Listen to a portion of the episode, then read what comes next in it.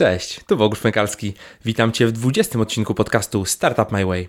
Dziś moim gościem jest Rahim Black, innowator, wizjoner, artysta i przedsiębiorca. Rahim jest współzałożycielem agencji social media Click Community, współzałożycielem spółki technologicznej eDrone, czyli systemu CRM dla e-commerce w modelu SaaS oraz twórcą prawdopodobnie pierwszego udziałowego tokena personalnego Rahim Coin. Z Rahimem rozmawiamy o tym, czym są innowacje, co cechuje innowatorów i dlaczego eksperckość zabija innowacyjność. Rozmawiamy o drodze Rahima od artysty malarza do przedsiębiorcy wizjonera. Mówimy o budowaniu biznesu SaaS, o pozyskiwaniu klientów, o ustalaniu cennika oraz o tym, jak traktować early adopterów. Dowiecie się również, czym jest zarządzanie przez inspirację, w jaki sposób Rahim tworzy tak dużo kontentu oraz czy w tym wszystkim ma jeszcze czas poczytać książkę. Notatki do tego odcinka znajdziesz na startupmyway.com łamane na 20, tak jak 20 odcinek. Ale zanim zaczniemy, mam dla Was jeszcze jedną ważną informację. Przygotowałem dla Was prezent. 57 pomysłów na aplikację SaaS. Plus dodatkowo piszę, co z tymi pomysłami można zrobić, jak je połączyć, co z tym wszystkim zrobić, żeby, żeby faktycznie wykorzystać to e, do budowy własnego biznesu.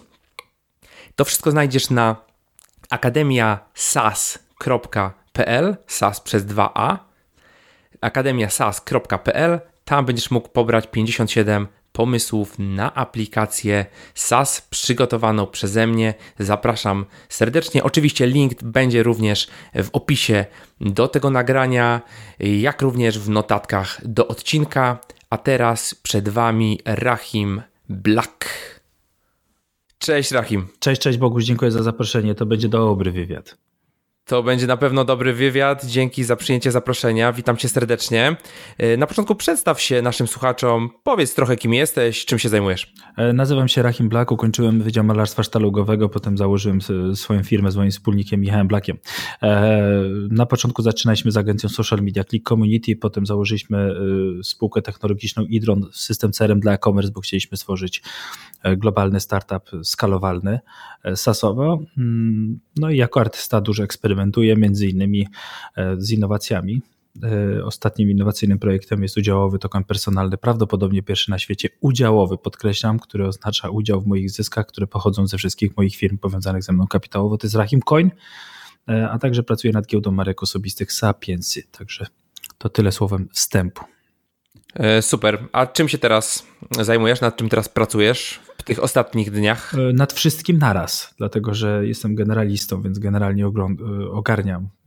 Raczej zaliczam się do osób, jako, które wiedzą bardziej coś o wszystkim niż wszystko o czymś, więc nie jestem typem specjalisty, który ma jedną rzecz, którą robi najlepiej, ale, ale lubię ogarniać. Także lubię najbardziej w swojej pracy kocham różnorodność, czyli po prostu możliwość robienia wielu rzeczy naraz i robienia y, wielu różnych rzeczy i im bardziej to jest skomplikowane, złożone i różnorodne, tym bardziej mnie to fascynuje i to jest właściwie powód, dla którego chodzę do pracy. Jasne. E, no właśnie, bo to są takie dwa podejścia. Mhm. Jedno podejście jest takie, żeby skupiać się na jednej rzeczy konkretnej, mhm, tak. a drugie jest jednak takie, że mm, no często przedsiębiorcy mhm. się nudzą i skaczą po różnych, różnych tematach, e, czyli jesteś tą jakby drugą, drugą, drugą, drugą drugim typem osoby. Mhm. E, tak. I powiedz, a i co, co, myślisz, jeżeli miałbyś się skupić tylko na jednej rzeczy, mhm. czy to w ogóle by u ciebie działało? E, powiem tak, generalnie ludzie powinni skupić się na jednej rzeczy, dlatego że skakanie z zadania na zadanie jest, jest, jest, jest e, bardzo zajmujące, plus e, wiadomo, że nie da się stworzyć czegoś genialnego, jeżeli nie poświęci się temu czemuś całego swojego życia, prawda? I nie mamy kilku żyć, więc trudno jest stworzyć kilka rzeczy.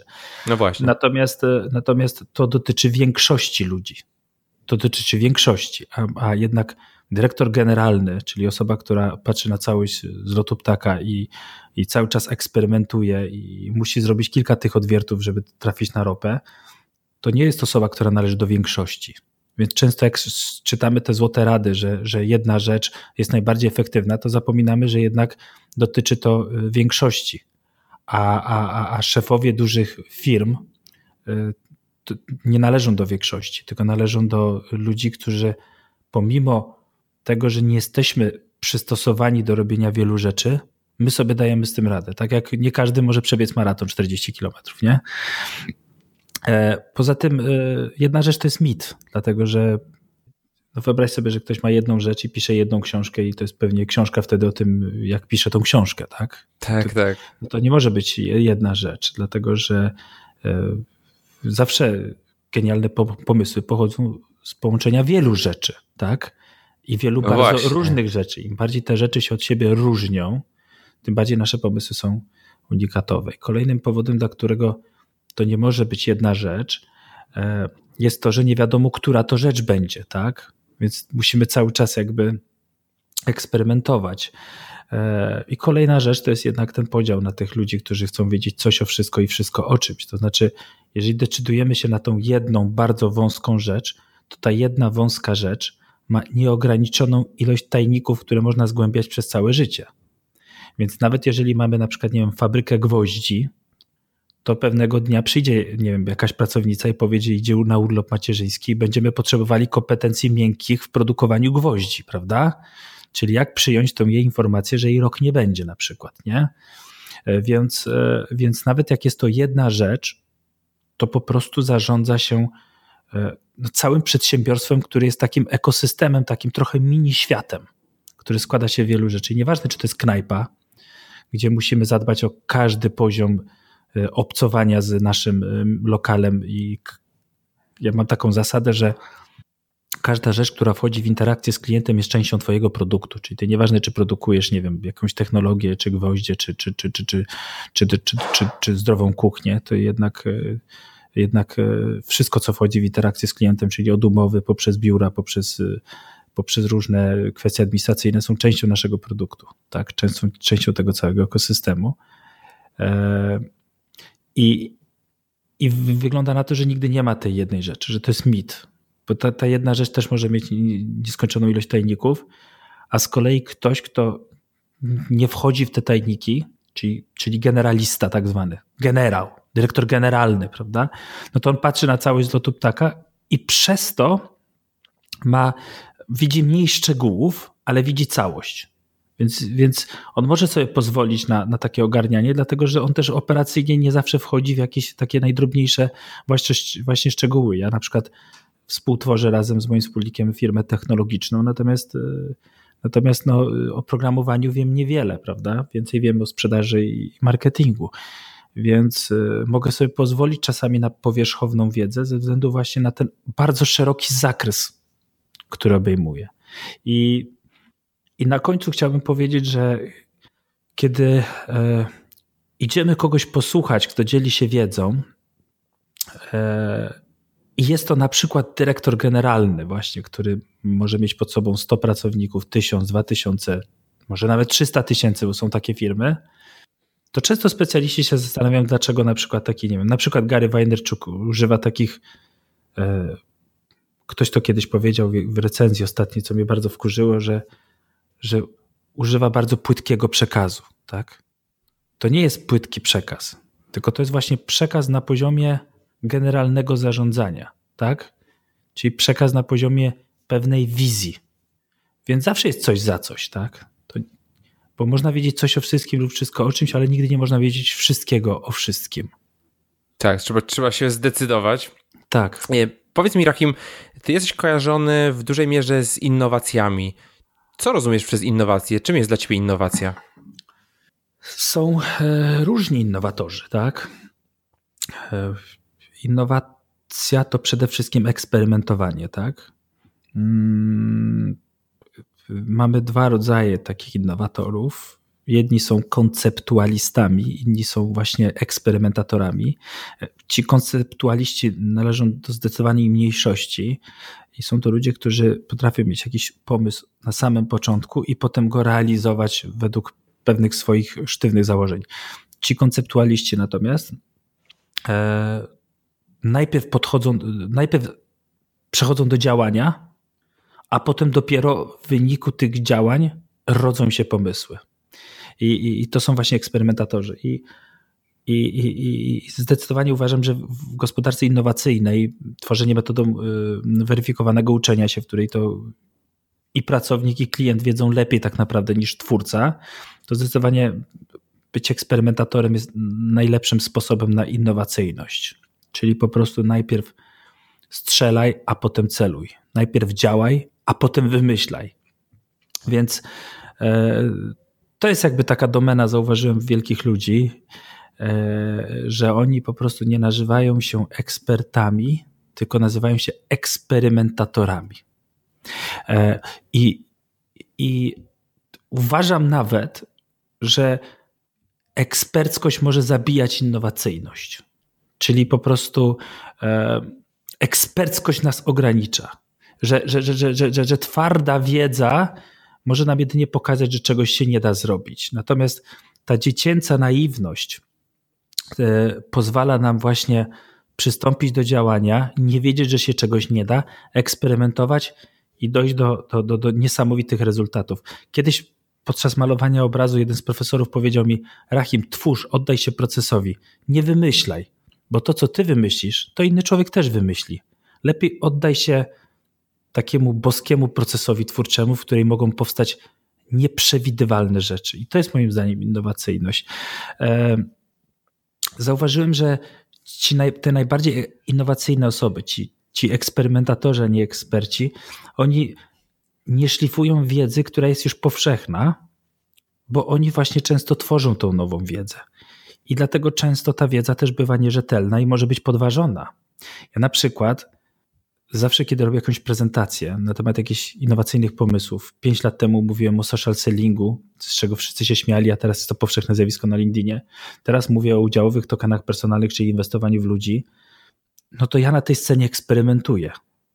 I ja nie mogę teraz powiedzieć, słuchajcie, ja na tej scenie przedstawię wam sprawdzoną, rzetelną wiedzę bo je przeczytałem gdzieś tam w Cialdiniach i tych wszystkich książkach, które przeprowadzono badania na 30 tysiącach osobach i dlatego też często te eksperymenty nie zawsze spotykają się y, ze zrozumieniem i nie zawsze są trafione. Ale właśnie działanie w warunkach skrajnej niepewności i pójście pod prąd to jest coś, co cechuje innowatorów. A masz takie projekty, powiedzmy, takie innowacje, które okazały się jednak e, no, niezbyt trafione i gdzieś tam je zakopałeś? Mm, całe mnóstwo, tak. Bardzo tak? dużo. Mhm, mhm. Generalnie, o dziwo, jak patrzę historycznie na, na ostatnie lata, to generalnie e, nie, podejmo, nie podejmowałem się realizacji pewnych rzeczy, które, które e, patrząc z dzisiejszej perspektywy mogłyby się okazać nietrafione, bo kiedy na przykład wybierałem między mediami społecznościowymi, to równolegle myślałem o wystartowaniu takiego startupu z e-bookami.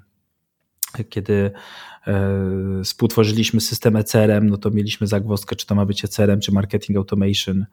I, i, i teraz widzę, że po prostu y, tworzenie nowej kategorii produktów, której, której jesteś jedyną firmą do wyboru, jest po prostu kluczowe.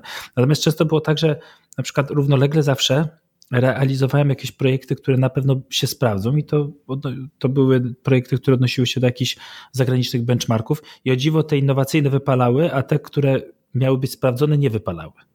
To, to mhm. jest ciekawe. Na przykład nie wiem, miałem kulturalną kopertę Poka Poka, e, inspirowana zagraniczną kopertą Don't Panic. Miałem w pewnym momencie 100 tysięcy mm, nakładu, no i w pewnym momencie po prostu era papieru się skończyła i to jest też to, że jednak e, kiedy wchodzimy w coś innowacyjnego, to jednak wchodzimy w schodzący rynek, wiemy, że to będzie rosło dłużej niż, niż my żyjemy i dostajemy duży kredyt zaufania i nawet jak coś jest słabe, to jest najlepsze w porównaniu z innymi, a kiedy wchodzimy na sprawdzony rynek, czyli na przykład teraz wydajemy jakiś magazyn drukowany, to jednak zaczynamy y, się przepychać z tymi, którzy na tym rynku działają 100 lat. Więc też to nie jest tak, że, że innowacyjność jest tylko tutaj ryzykiem. Tak? Często uważam, że y, tworzenie, nie wiem, projektów w Czerwonym Oceanie jest jeszcze bardziej ryzykowne, tak? ponieważ będzie nam trudno nadrobić to, y, co, co inni wypracowali przez, przez wiele dekad. Także bardzo dużo projektów tworzyłem, które się też nie udały. Natomiast to jest też typowe dla, dla, dla, dla, dla ludzi, którzy coś osiągają a propos tej jednej rzeczy, czy też y, wielu rzeczy, że jednak y, najwięksi, najwięksi zawsze w dorobku mieli bardzo wiele, wiele, wiele rzeczy i z tymi największymi sąsiadowały też mnóstwo porażek, tak? I zarówno wielcy artyści mm, zostawiali po sobie zawsze ilościowo dużo dzieł, wielcy naukowcy ilościowo dużo patentów, z których może jeden zmienił świat, a, a przedsiębiorcy jednak podejmowali wiele, wiele e, prób zanim, zanim stworzyli firmę. I kiedy ją stworzyli, kiedy ona osiągnęła sukces, nieważne czy to był ten sukces typu pokroju Facebooka, to jednak zawsze ten sukces nie mógł być tylko jednym sukcesem, ale on stawał się częścią ekosystemu i ten sukces trzeba było cały czas udowadniać i, i odnosić go na nowo, żeby firma mogła przetrwać dekady, bo inaczej e, firma upadnie, prawda? Więc, e, więc e, jedną z nauk, które wyniosłem, to to, że jednak ja nie chcę tworzyć produktu, tylko chcę stworzyć zawsze ekosystemy.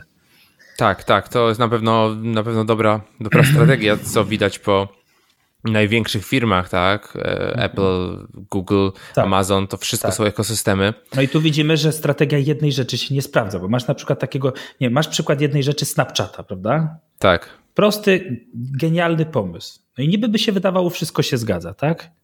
I zadebiutowali na giełdzie. No i wiesz, zobacz jaka tu jest wąska granica błędu, że jeden pomysł, stories i jeżeli za tym pomysłem nie pójdzie 10 kolejnych pomysłów na 10 różnych poziomach, to nie przetrwasz z jedną rzeczą.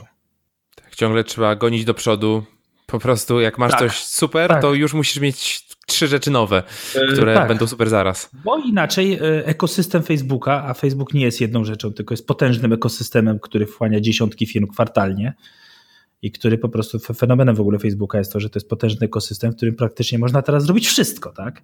I, i ten fenomen, no to potem bierze takie stories i wrzuca go do Messengera, do Facebooka, do Instagrama i wszędzie, gdzie się da, tak? I, i, i to jest ciekawe, że eksperymentują ze wszystkim, co się da i dlatego y, po tylu latach y, ciągle są, są, są, są firmą wielką, prawda?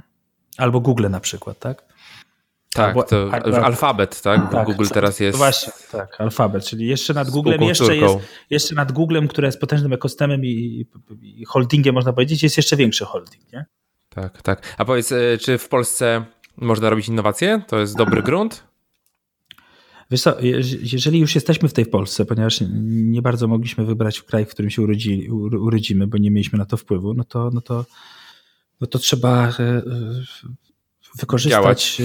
działać, tak, trzeba przede wszystkim działać i wykorzystać silne strony bycia w Polsce, tak? I, i, i należy pamiętać o, o, o, o, tym, że chociaż mamy mnóstwo, mnóstwo problemów, to jednak widzieć te, te mocne strony. Ja, ja te mocne strony dostrzegam, tak?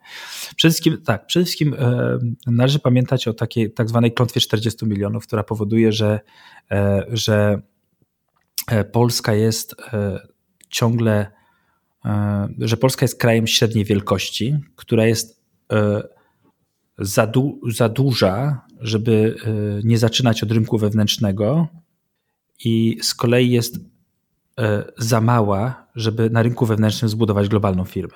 Tak?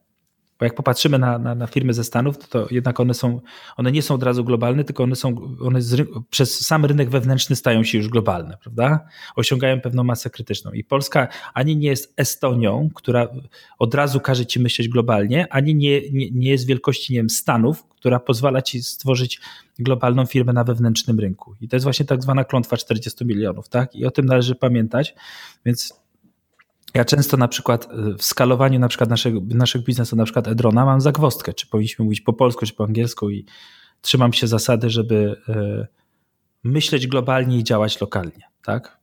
Czyli jednak jak działam lokalnie, czyli mówię po polsku i prowadzę z tobą teraz wywiad i, i, który jest bardzo taki osobisty, bezpośredni, czy też robię jakiegoś live'a, który ogląda 100-200 osób, bo działam jednak w B2B, zasięg zasięgowi nie jest równy.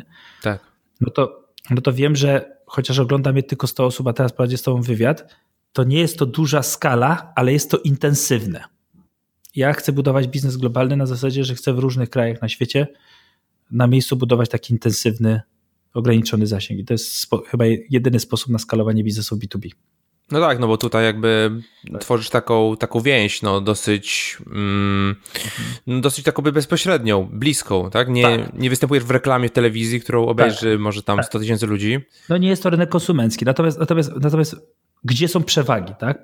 przewagi są, są w ludziach, czyli mam bardzo zdolni ludzie. Prze, przewaga jest w tym na przykład, że jesteśmy najbardziej rozwiniętym krajem e, na wschodzie Europy i na zachodzie Azji więc e, jeżeli by tak popatrzeć strategicznie, gdybym był takim strategiem powiedzmy politycznym troszeczkę, no to nie wyobrażam sobie rozwoju Polski bez e, wykorzystania tego, że jesteśmy najlepszym krajem wschodu Europy i zachodu Azji, do tego, aby na przykład wprowadzić tutaj do tego, aby wprowadzić tutaj intelektualne zasoby IT na przykład ze wschodu, tak? Bo jednak widzimy pewne zmiany geograficzne w tym, że na przykład e, bardzo zaawansowane projekty technologiczne, na przykład blockchainowe, już coraz częściej powstają na przykład w Azji, czy powstają na przykład w Rosji, czy w Moskwie, czy w Estonii, a nie na przykład w Dolinie Krzemowej, bo Dolina Krzemowa zrobiła się po prostu za droga, tak? Mm, I, i uważam, że w Polsce opłaca się tworzyć projekty informatyczne. To jest naprawdę niebywałe, tak? To jest niebywałe, że można stworzyć informatyczny projekt technologiczny, e, który może być globalny za pieniądze, za które można kupić jedno mieszkanie na przykład. Czyli na przykład za milion złotych, nie? Mhm. Albo za cenę, nie wiem, jednego, nie wiem, dwóch, nie wiem, y, samochodów dobrych, nie? To tak, jest, wiesz, tak. to jest nie do wyobrażenia w Dolinie Krzemowej. I, i, I, ty tworzysz jakiś projekt blockchainowy, jakiś projekt skalowalny i za milion złotych ty jesteś w stanie go w software house zamówić, tak? I to te, te kwoty trzeba pomnożyć razy naście, jak nie dziesiąt, prawda? A przy eksperymentowaniu to ma ogromne znaczenie, bo to też nie wiadomo, czy to wypali, nie? Więc, więc, więc to są ogromne, wiesz, jesteśmy takimi intelektualnymi Chinami świata, można by powiedzieć, ale intelektualnymi, czyli nie, nie w przemyśle, tylko, tylko, tylko właśnie w tworzeniu wiedzy, tak? Tak, no bo właśnie, się to opłaca. I teraz, I teraz reasumując, gdzie widzę przewagę? Otóż przewagę widzę w tworzeniu e, technologicznych projektów B2B, które mogą po prostu zalać świat, bo jesteśmy w tym bardzo, bardzo dobrze, bo wiele projektów chociażby pochodzi z Krakowa. Kraków jest teraz aktualnie największym nieazjatyckim e, e, miastem outsourcingowym usług IT na, na świecie, nieazjatyckim, na świecie, tak? Więc, więc mamy, mamy ten potencjał intelektualny, i, I szkoda, że to, o czym mówię, no nie widzi nasz rząd, który y, po prostu szuka, szuka czegoś tam w przemyśle, nie wiem, e, ściągają w ogóle podatki, żeby w ogóle stworzyć jakiś samochód na prąd. Nie, to już było, to już było, tak? Jak słyszę o tym samochodzie na prąd, to, to, myślę sobie, to mi się to kojarzy z Trabantem z NRD, tak? Że rząd chce w ogóle stworzyć jakiś samochód na prąd. To jest myślenie, wiesz, to jest myślenie po prostu jakieś takie socjalistyczno-komunistyczne po prostu, tak? Które nic nie da. Zamiast zobaczyć inną rzecz, Polacy są najlepsi w adaptowaniu najnowszych technologii. Na przykład, jeżeli chodzi o blockchain, kryptowaluty, zawsze, w, nie wiem, w, Polacy są jednymi z naj, naj, najwcześniejszych adopterów w ogóle na świecie. Jak popatrzymy, na przykład czytałem statystyki LinkedIna. Polacy najszybszy w ogóle, najdynamiczniejszy e, rozwój. Czyli strasznie szybko przyswajamy innowacje. E, jeżeli jeszcze to będzie B2B, w którym po prostu to wymaga ciężkiej pracy i takiego ręcznego skalowania, to po prostu mamy szansę dostarczyć taki soft na całym świecie i uważam, że to mogłoby całą gospodarkę i społeczeństwo pchnąć do, do dobrobytu. No, bardzo optymistyczna wizja. E, odnośnie samochodu polskiego elektrycznego, to e, kilka odcinków temu rozmawiałem z, z konstruktorem samochodów, mhm. który większość czasu spędził poza granicami Polski. Teraz, teraz akurat pracuje w Polsce, w jednej z największych marek samochodowych. No ale on mówił, że to nie ma prawa się udać, bo po prostu nie ma mhm. budżetu. Są budżety 10-100 razy za, za małe, żeby w ogóle e, produkcję seryjnego samochodu tutaj u nas zrobić. Po prostu nie ma, samo, nie ma ludzi, nie ma pieniędzy i że to mhm. jest mit, tak? Że to no w tak, ogóle ale się nie wiesz, uda. Nawet gdyby, nawet gdyby były pieniądze, to lepiej te pieniądze zostawić u prywaciarza, który wykorzysta je dużo lepiej niż przepalić je na, na, na, na, na, na, na projekty rządowe, które po prostu są dużo droższe przez to, że y, one, one administracyjnie zjedzą tę innowację, tak? Także, także to jest niesamowite, że w czasach, kiedy nie wiem, e, e, NASA w Stanach obsługuje e, prywaciarz w cudzysłowie, tak? tak. No, to, no to tutaj wracamy do, do, do czasów NRD, żeby po prostu tworzyć jakiś samochód na prąd, tak? I żeby to oczywiście, i to oczywiście Jarosław Kaczyński zrobi to lepiej niż, niż, niż, niż taki polski Elon Musk. Zakładamy, nie? To jest w ogóle absurdalne, tak? Czyli to jest, co ci ludzie mają w głowach, jakie oni żyją epoce, że oni tak myślą a nie mają pojęcia o tym, czym są kryptowaluty, czym jest blockchain, czym jest technologia rejestru rozproszonego, czym są innowacje technologiczne B2B, żeby zobaczyć, że tu możemy być najlepsi. Jeżeli ja teraz nie zapłacę podatku na samochód na prąd, a zostawię to u siebie w firmie, to być może stworzę firmę B2B, która na przykład, tak jak nie wiem, SAP niemiecki, zatrudni na przykład 70-80 tysięcy osób, prawda? No dokładnie. Powiem ci, Szkoda. że bardzo mi się podoba twoja wizja, szczególnie dlatego że jestem founderem właśnie mm. startupu B2B, tak. obecnie jeszcze lokalnego, polskiego. Zobaczmy jak to, mm. jak to będzie, czy, czy, czy wyjdziemy globalnie.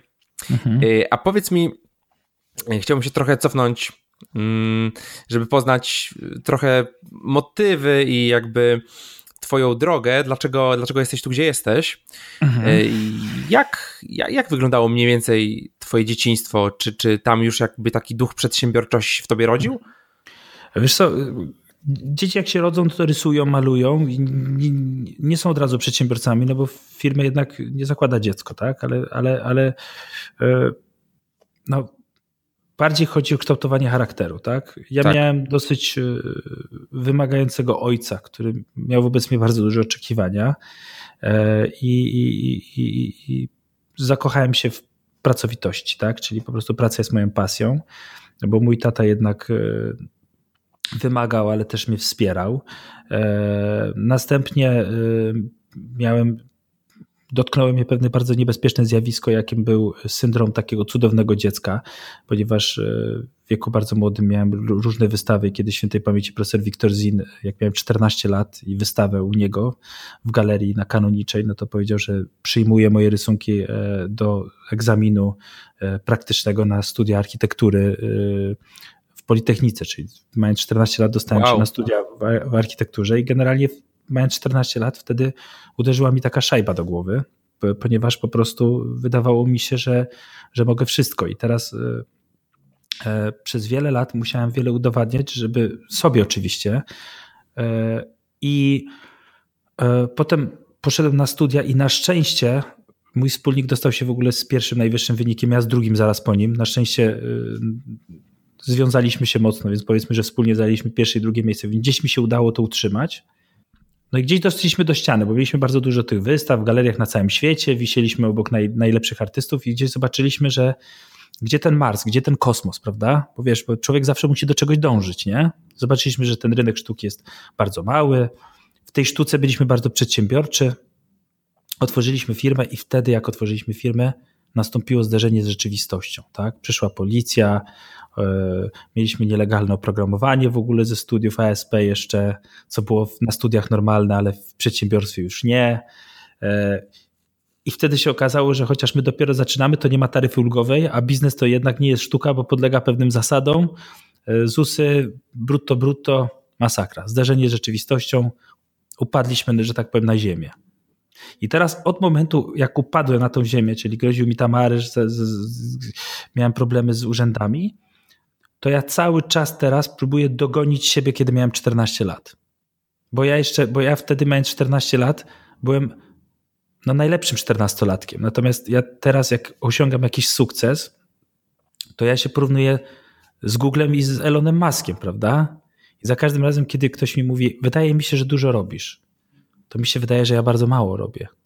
Wydaje mi się, że dużo robisz projektów, to mi się właśnie wydaje, że ja bardzo mało robię projektów, przez to właśnie, że mam takie odniesienie do dzieciństwa. I, i, I, dodatkowo jeszcze, jak to połączymy z tym, że w czasie, kiedy ja w Polsce tworzyłem y, firmy i budowałem i przeszedłem, wiesz, te wszystkie trudy potem, czyli, czyli rzeczywistość zweryfikowała to, że wtedy byłem tylko dzieckiem jednak.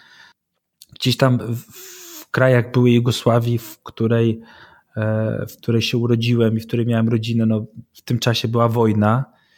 E, I to wszystko spowodowało, że wiesz, jak ja tutaj malowałem obrazy i prowadziłem firmę, to tam ginęli ludzie, tak? I, i, i to wszystko powoduje, że ja nie mam w sobie jednej rzeczy w, w ogóle w tym momencie, tak? Nie mam lęku. Nie mam lęku w ogóle w prowadzeniu działalności gospodarczej, tak? Bo jeżeli wiesz, ja mając kilkanaście lat, moi najbliżsi ginęli, prawda? Bo była wojna w Jugosławii, tak? W latach 90. Wiesz o czym mówię? Tak, tak. A ja siedzę sobie, wiesz, tutaj w gabinecie, jest ciepło, jest fajnie, przychodzi jakiś tam urząd, kulturalnie, dzień dobry. I często, wiesz, wymyślam na przykład ten udziałowy token personalny Rahim Coin, prawda? No i piszę, że to jest lokata kapitału, spadek, testament i dzwoni prawnik mówi, co ty piszesz, pójdziesz siedzieć.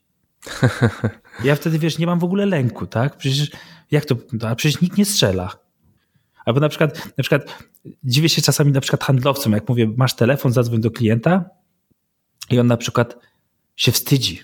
On się boi, on się stresuje zadzwonić do klienta. Ja mu wtedy tłumaczę, czy klient przez słuchawkę może cię uderzyć? Czy może zrobić ci krzywdę? Jak można się bać, prawda? Więc wiesz, no, to dzieciństwo mnie bardzo ukształtowało. I spowodowało, że jestem odporny psychicznie i mogę podjąć się każdego wyzwania. Powiem ci, że jest to bardzo ciekawe, co mówisz. Myślę, że jest to niesamowicie ważna cecha przedsiębiorcy, mhm. to ten brak lęku, bo, no bo tutaj po prostu trzeba codziennie de facto walczyć, tak? Oczywiście nie jest to walka e, na noże. Wręcz. Czy... Nie jest to walka wręcz. Nie jest to walka wręcz, ale jest to jakaś tam walka psychiczna, tak? Mhm. Jakaś, jakieś tam zmaganie się mhm. z, ze stresem.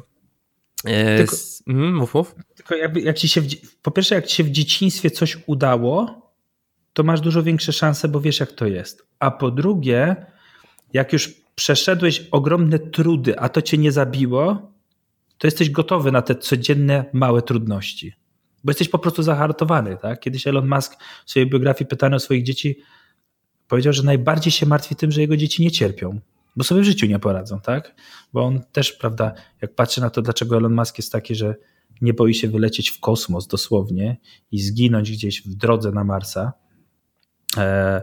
no to, no to patrzę na to, że jednak on też miał dosyć trudne to dzieciństwo i się przemieszczał z RPA do Kanady i tak dalej. I widać teraz, w jaki sposób to przygotowało go do podejmowania ogromnych przedsięwzięć, które wiążą się z ogromnym ryzykiem. No tak, na pewno na pewno jest to ważne, dlatego nie wiem, może powinna być jakaś szkoła biznesu, gdzie na początku budujesz biznes, który ma cały czas same problemy, potem na końcu bankrutujesz, wychodzisz z tej szkoły i jesteś gotowy do, do działania już na swoim tak naprawdę. Ale wiesz co, tak jest, bo każdy biznes na początku wiąże się z trudnościami. Ja, ja na przykład znam ogromną rolę tych trudności i na przykład codziennie mamy te trudności, bo wiesz, my, my chcemy skalować drona i, i, i, budujemy globalny biznes i my na przykład my, my nie mamy żadnego zewnętrznego finansowania. My nie mamy żadnych dotacji i żadnego inwestora i nikogo poza klientem, który wrzuci nam 5 zł. Zero, nie mamy kredytu, nie mamy inwestora, nie mamy dotacji. I budujemy wielką firmę globalną, tak? I teraz ja się zastanawiam tak, dlaczego ja mam wziąć od kogoś 20-30 milionów, żeby mi było łatwiej, skoro potem i tak mi braknie, i tak mi braknie. Ja muszę teraz przygotować się na to, że to cał, zawsze będzie walka. No wiesz, no, zobacz sobie na tego Elona Muska, który jest miliarderem i który cały czas zmaga się z niedoborami. Zobacz sobie na wielkie państwa, które zmagają się z niedoborami, nie? Tak, po prostu w innej skali. No tak, to lepiej w takim razie pogodzić się z tymi niedoborami i z nimi sobie dać radę, niż sobie wstrzygnąć troszeczkę insuliny w postaci jakiejś dotacji czy jakichś pieniędzy od inwestora, i które mogą czasem uśpić twoją czujność. Jeżeli sobie teraz nie poradzisz, bez tych dotacji, bez tego inwestora, to jak sobie poradzisz jutro, jak, jak będziesz miał, nie wiem, 30-40 tysięcy osób? Jak zobaczysz na wielkie firmy, to cały czas tu protesty, tu strajki, tu w ogóle y, linie lotnicze, lot, kurcze, y, finansowane przez, przez, y, przez w ogóle z podatków i ciągle zmagają się z niedoborami. Twoim zadaniem jest nauczyć się z tym działać. Tak, tak. Mm, zdecydowanie, zdecydowanie się z tym zgadzam. E, sam też e, jakby nie, nie biorę pieniędzy od inwestorów e, i, i wydaje mi się to dobrą drogą, aczkolwiek jeżeli chcesz zbudować, powiedzmy, załóżmy, chcielibyśmy zbudować ten, ten elektryczny samochód, mhm. Mhm. Już nie jako państwo, tylko powiedzmy jako ja, ja z tobą siadamy, dobra, robimy tak. elektryczny samochód. No nie jesteśmy w stanie, to są tak duże pieniądze, że nie jesteśmy w stanie bez zewnętrznego finansowania. Ale jak to, ale jak Elon Musk zbudował, ale jak Elon Musk zbudował elektryczny samochód? No on brał finansowanie. No tak, ale od czego zaczął? Ale wiesz, czym innym jest jak włożysz tak. I, i, I, nie szukasz kogoś, kto ci da pieniądze, tylko szukasz kogoś, kto będzie twoim bardziej partnerem, tak? Kto, wiesz, i wtedy mówisz sobie, zróbmy jeden plus jeden daje trzy, nie? Tak, tak, tak. Ale, ale, to, jest, ale to jest skalowanie, tak? Natomiast wiesz, on najpierw włożył i ty pieniądze, skąd miał te pieniądze, które włożył? No przed testą coś zrobił, tak? No na przykład PayPala. No dokładnie, więc ty też wydaje mi się, że najpierw musisz coś zrobić, najpierw musisz coś udowodnić, najpierw musisz stworzyć coś z niczego, no a potem wiadomo, że jak chcesz, nie wiem, budować rakiety i tak dalej, to są, to są projekty już kiedyś finansowane przez rząd, a nie przez jedną osobę, nie? No właśnie, a doszliśmy do czasów, że... Ja, ja nie wykluczam tego, ja nie wykluczam tego, że Edron będzie miał inwestora, tylko Edron będzie miał inwestora wtedy, kiedy, yy, kiedy po prostu yy, trzeba będzie skalować ten produkt, tak? Po to, żeby na przykład. Ja zakładam w tym momencie, że wyzwania leżą gdzie indziej. To znaczy, mówię mojemu wspólnikowi tak: pracuj i działaj tak, jakbyś miał na koncie 30 milionów dolarów. Czuj się, jakbyś miał. I o co się okazuje? Że pieniądze nie są barierą. Barierą są ludzie, barierą są dobre pomysły, innowacje, e, sprzedaż i że to nie są pieniądze. Natomiast inwestora będziemy mieli wtedy, kiedy będziemy chcieli przejmować inne firmy. Czyli wiesz, to nie mają być pieniądze na innowacje, eksperymentowanie, motywację, konsumpcję, tylko to mają być pieniądze na bardzo proste rzeczy, które po prostu wymagają tylko jednej rzeczy, wtedy pieniędzy, prawda? Jak na przykład kupienie, nie wiem, jakiejś konkurencji za 100 milionów, tak? Tak, tak, tak. Y, okej, okay, mówisz, mówisz o Edronie trochę, to, to może pogadajmy o Edronie. Po co, w ogóle skąd, skąd ten pomysł, żeby tworzyć kolejnego CRM-a? To, to, nie jest kolejny CRM, to jest pierwszy na świecie CRM dla e-commerce. Okej, okay, okej. Okay. Rozwiniesz ten temat? Bo to tak, jakbyś, to tak jakbym budował sklep internetowy, ty byś powiedział, tak jakbym budował pierwszy na świecie sklep internetowy i ty byś powiedział, skąd pomysł na zbudowanie kolejnego sklepu? Mhm. Nie, to jest sklep internetowy. Więc Systemy CRM to są systemy dla handlowców, którzy wklepują sobie tam wizytówki, dane, mają jakiś lejek sprzedaży, proces sprzedaży, nie wiem, mają ileś klientów, próbują się w tym wszystkim połapać. My stworzyliśmy system CRM dla sklepów internetowych, stworzyliśmy też nową, w ten sposób nową kategorię produktu e-CRM. Czyli CRM for e-commerce only, tak? I ten CRM pozwala, dla sklepu internetowego działa zupełnie inaczej niż CRM dla handlowców, tak? Taki klasyczny, o którym ty mówisz, tak? I jak się urodził ten pomysł? Ten pomysł urodził się stąd, że e, mieliśmy taką własną platformę aplikacji, która miała już 3000 płacących klientów i w pewnym momencie zrozumiałem, że jak w agencji miałem klientów 60, to jeszcze byłem gdzieś w stanie ich sobie gdzieś tam ułożyć gdzieś manualnie, nie? Ale jak miałem 3000 tych klientów, to już potrzebowałem systemu CRM i zobaczyłem, że te wszystkie CRM-y są też manualne, tak? I też one nie są zautomatyzowane i one nie są stworzone dla biznesów online. Rozumiesz? Tak. Że, że pierwotne CRM-y, które znamy, te, te takie yy, IBM, Salesforce'a i te różne rozwiązania, nie dotyczą biznesów online, czyli nie dotyczą e-klienta. No i wtedy pamiętam, że napisaliśmy nakładkę do CRM-a, żeby te dane zbierać automatycznie. I wtedy wpadłem na pomysł, żeby stworzyć taki CRM dla, e, wtedy jeszcze to miał być CRM dla e, e-biznesu. Czyli miał dotyczyć w równym stopniu startupów i tak dalej. Coś jak dzisiaj Intercom. E, I wtedy zrozumiałem, że i tak większość klientów e, mm, to i tak będą sklepy internetowe, bo to jest dzisiaj 85% w ogóle e, tak naprawdę biznesu dzisiaj, jeżeli chodzi o B2C. I stworzyliśmy First CRM for e-commerce, czyli pierwszy system CRM dla e-commerce i ten CRM dzieli się na Customer Intelligence, czyli RFM, dokładnie rozpoznajemy potrzeby klienta, dokładnie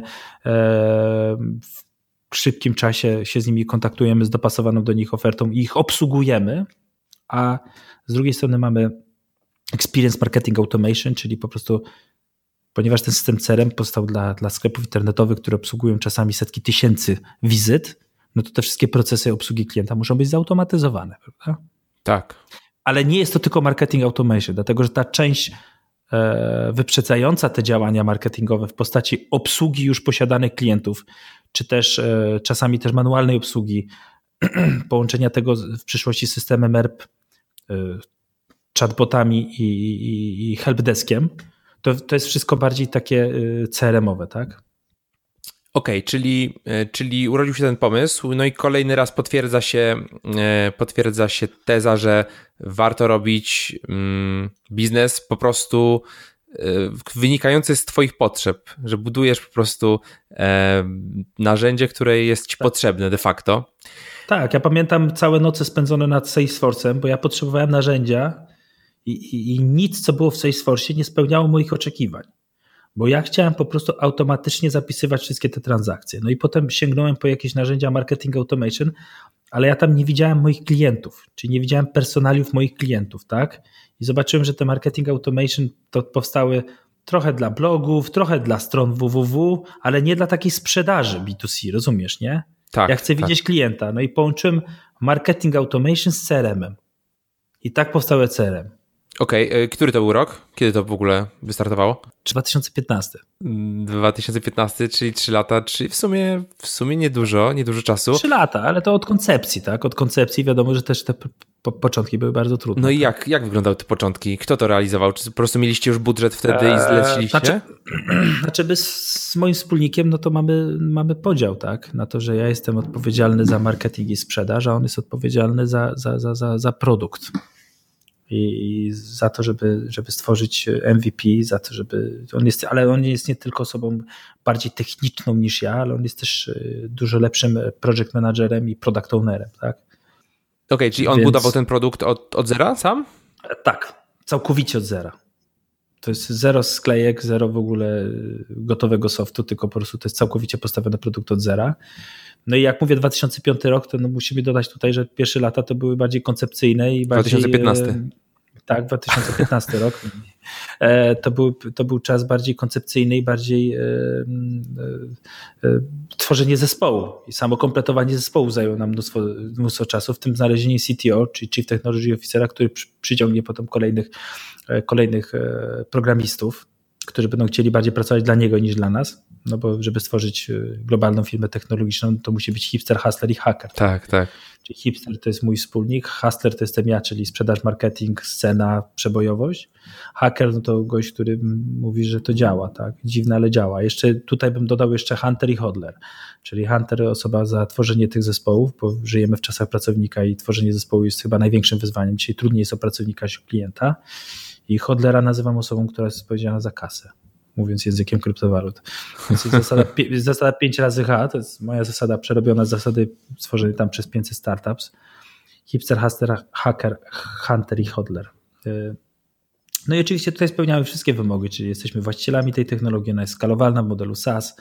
Jest to też B2B, więc tutaj y, rynek będzie raczej zdywersyfikowany i każdy znajdzie tam, będzie miał swój udział w tym rynku. Tak? I jak zdobyliście pierwszych klientów na to? A pierwszych klientów akurat zdobywa się bardzo prosto, ponieważ e, dzwoni się do zaufanych znajomych i robi im się coś za darmo.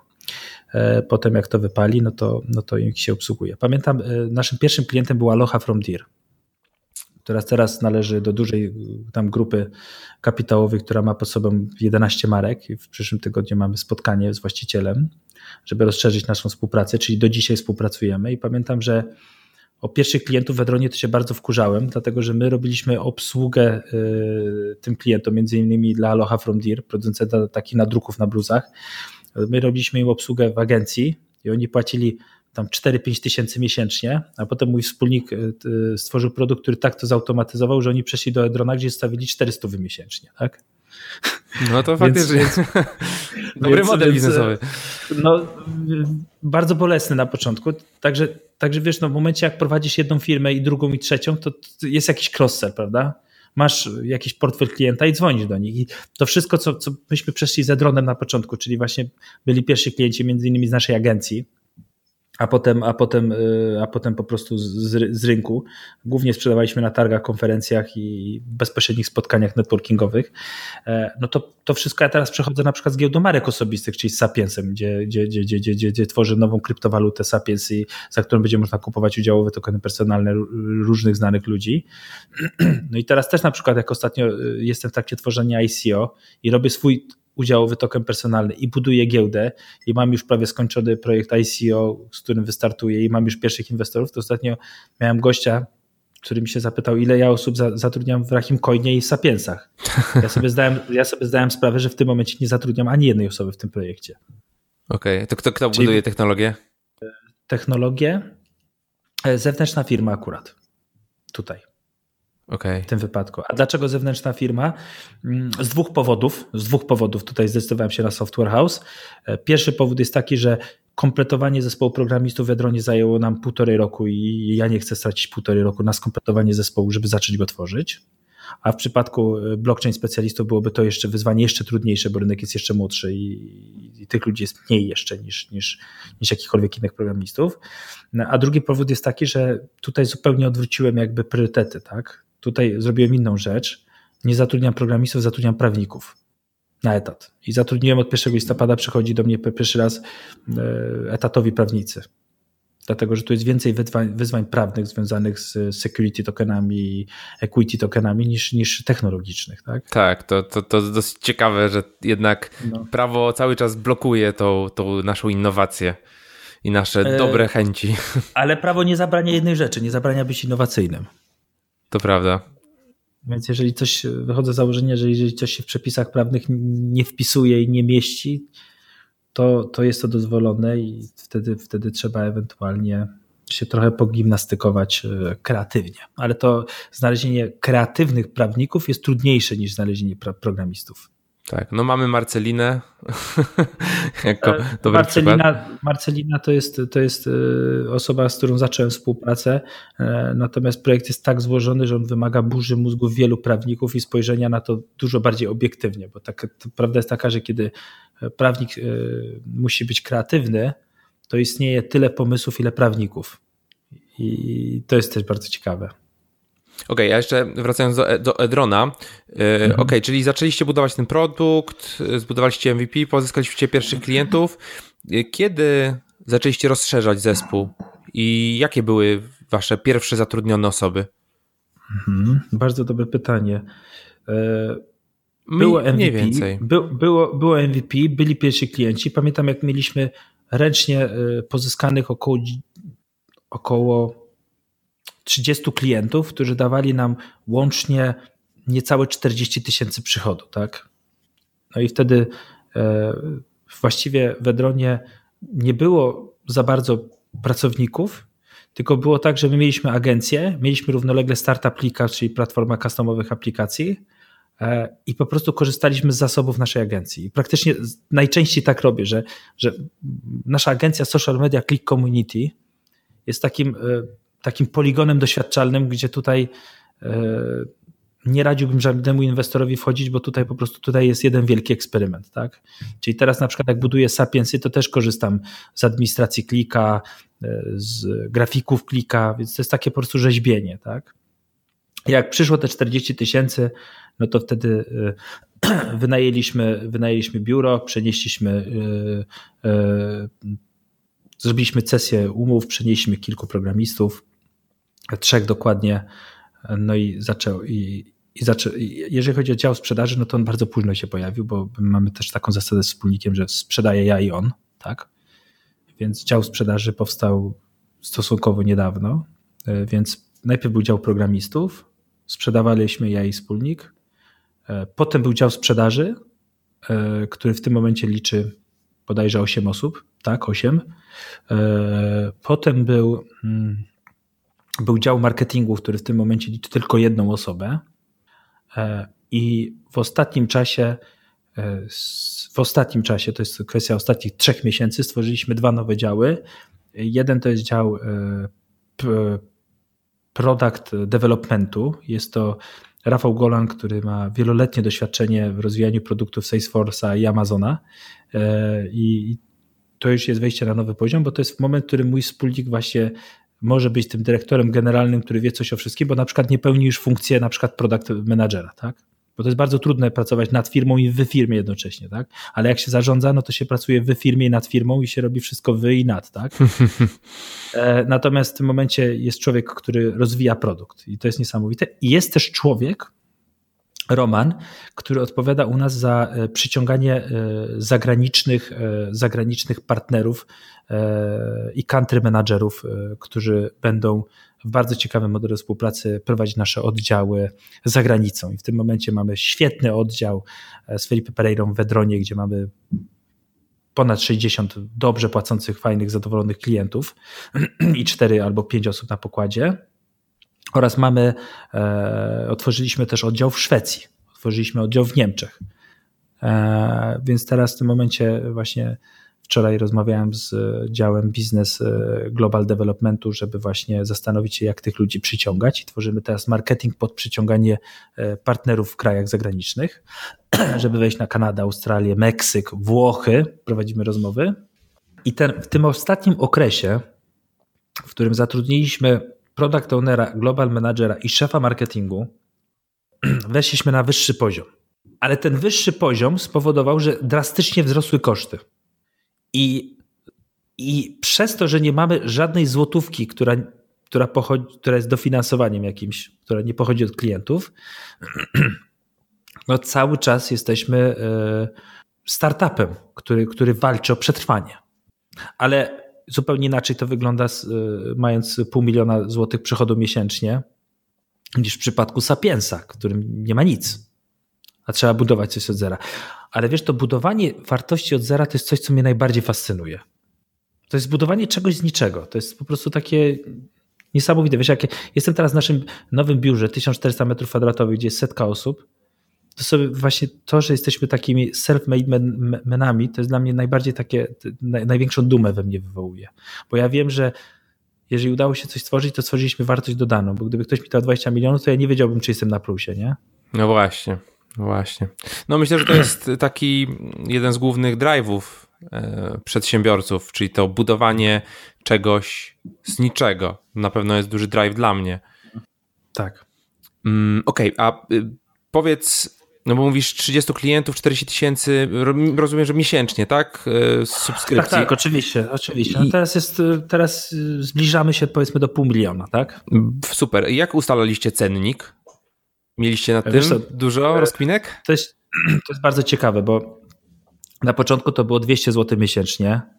E, no i wiadomo, że tam e, cena zależała od ilości transakcji, które miał sklep internetowy. Nie od tego, jak on był duży, tylko ile on miał transakcji, tak? bo to wpływało na e, ilość miejsca w serwerach Amazona, ilość danych, ilość wysyłek i tego wszystkiego. Tak? Więc, więc pakiet zaczął się od 200 zł, potem było 600 zł, potem 1500, potem nawet 3000. Tak? Natomiast jak przybywali ci nowi klienci, to potem to 200 wzrosło do 400, potem 400 wzrosło do 600, potem 600 wzrosło teraz do 1200, a ten najdroższy pakiet wzrósł nawet do 20 tysięcy. I to nie jest związane z tym, że, że mamy jakąś potężną inflację, ani nie jest związane z tym, że my sobie na więcej pozwalamy, bo ja uważam, że zawsze trzeba dostarczać jak najtańszy produkt, tak, który tworzysz jak najbardziej efektywnie, E, i jesteś najbardziej konkurencyjny. Natomiast to jest związane z tym, że weszliśmy teraz e, w enterprise, czyli po prostu mamy na tyle zaawansowany produkt, że jesteśmy w stanie obsłużyć największe sklepy internetowe, dostarczamy im produkt sasowy, a jesteśmy w stanie na przykład wygrać z jakimiś HubSpotami, MRSysami, które po prostu e, robią dużo zadęcia i dużo zamieszania wokół funkcjonalności, które, które my możemy wdrożyć bardzo szybko. Tak? Także największy problem, jaki mieliśmy na samym początku, to było przekonanie dużych klientów ponieważ nasz produkt miał jedną wadę, był za tani. E, a wiesz, a on był tani, dlatego że wiesz, jak powstały HubSpoty i powstały te wszystkie molochy, których samo w ogóle wdrożenie wymaga konsultacji za 50 tysięcy dolarów, a potem zaczyna się wdrożenie, które wymaga pół roku, to to były czasy, gdzie zupełnie inaczej tworzyło się produkt. Że to nie było wtedy, wiesz, myślenia sasowego, myślenia cloudowego i myślenia, e, w której klient powinien się sam, że tak powiem, obsłużyć, nie? A budowa tego typu systemu wydawała się trudna. Natomiast my zrobiliśmy tak. My nie będziemy integrować się z każdym sklepem internetowym, tylko zintegrujemy się z każdą platformą. Czyli zintegrujemy się z Shopify'em, Shoplo, z Magento, tak aby każdy sklep internetowy po tym, jak my się zintegrujemy z Magento, mógł w Magento nacisnąć przycisk i zintegrować się ze dronem. Tak? Także sprawa pozostała e, skomplikowana tylko na poziomie sklepów dedykowanych, które nie są na żadnych e, jakichś tam e, wspólnych platformach e-commerce'owych, tak? No i przez to, że myśmy znaleźli ten klucz do tego, żeby integrować się nie ze sklepem, tylko z platformą sklepową, no to nasz produkt mógł być tani. Tylko teraz jak przekonać duży sklep internetowy, który ma milionowe obroty, żeby zapłacił u nas 1200 zł, a nie na przykład zapłacił 50 tysięcy na przykład w niemieckiej konkurencji. Tak? Tak, tak. No bo on teraz nam nie zaufa, nie? No i teraz my musieliśmy zrobić coś takiego, żeby dojść do momentu, w których my możemy za produkt sasowy, samoobsługowy i myśmy się chwalili tym, że nasz produkt jest prosty w użyciu i to był strzał w kolano.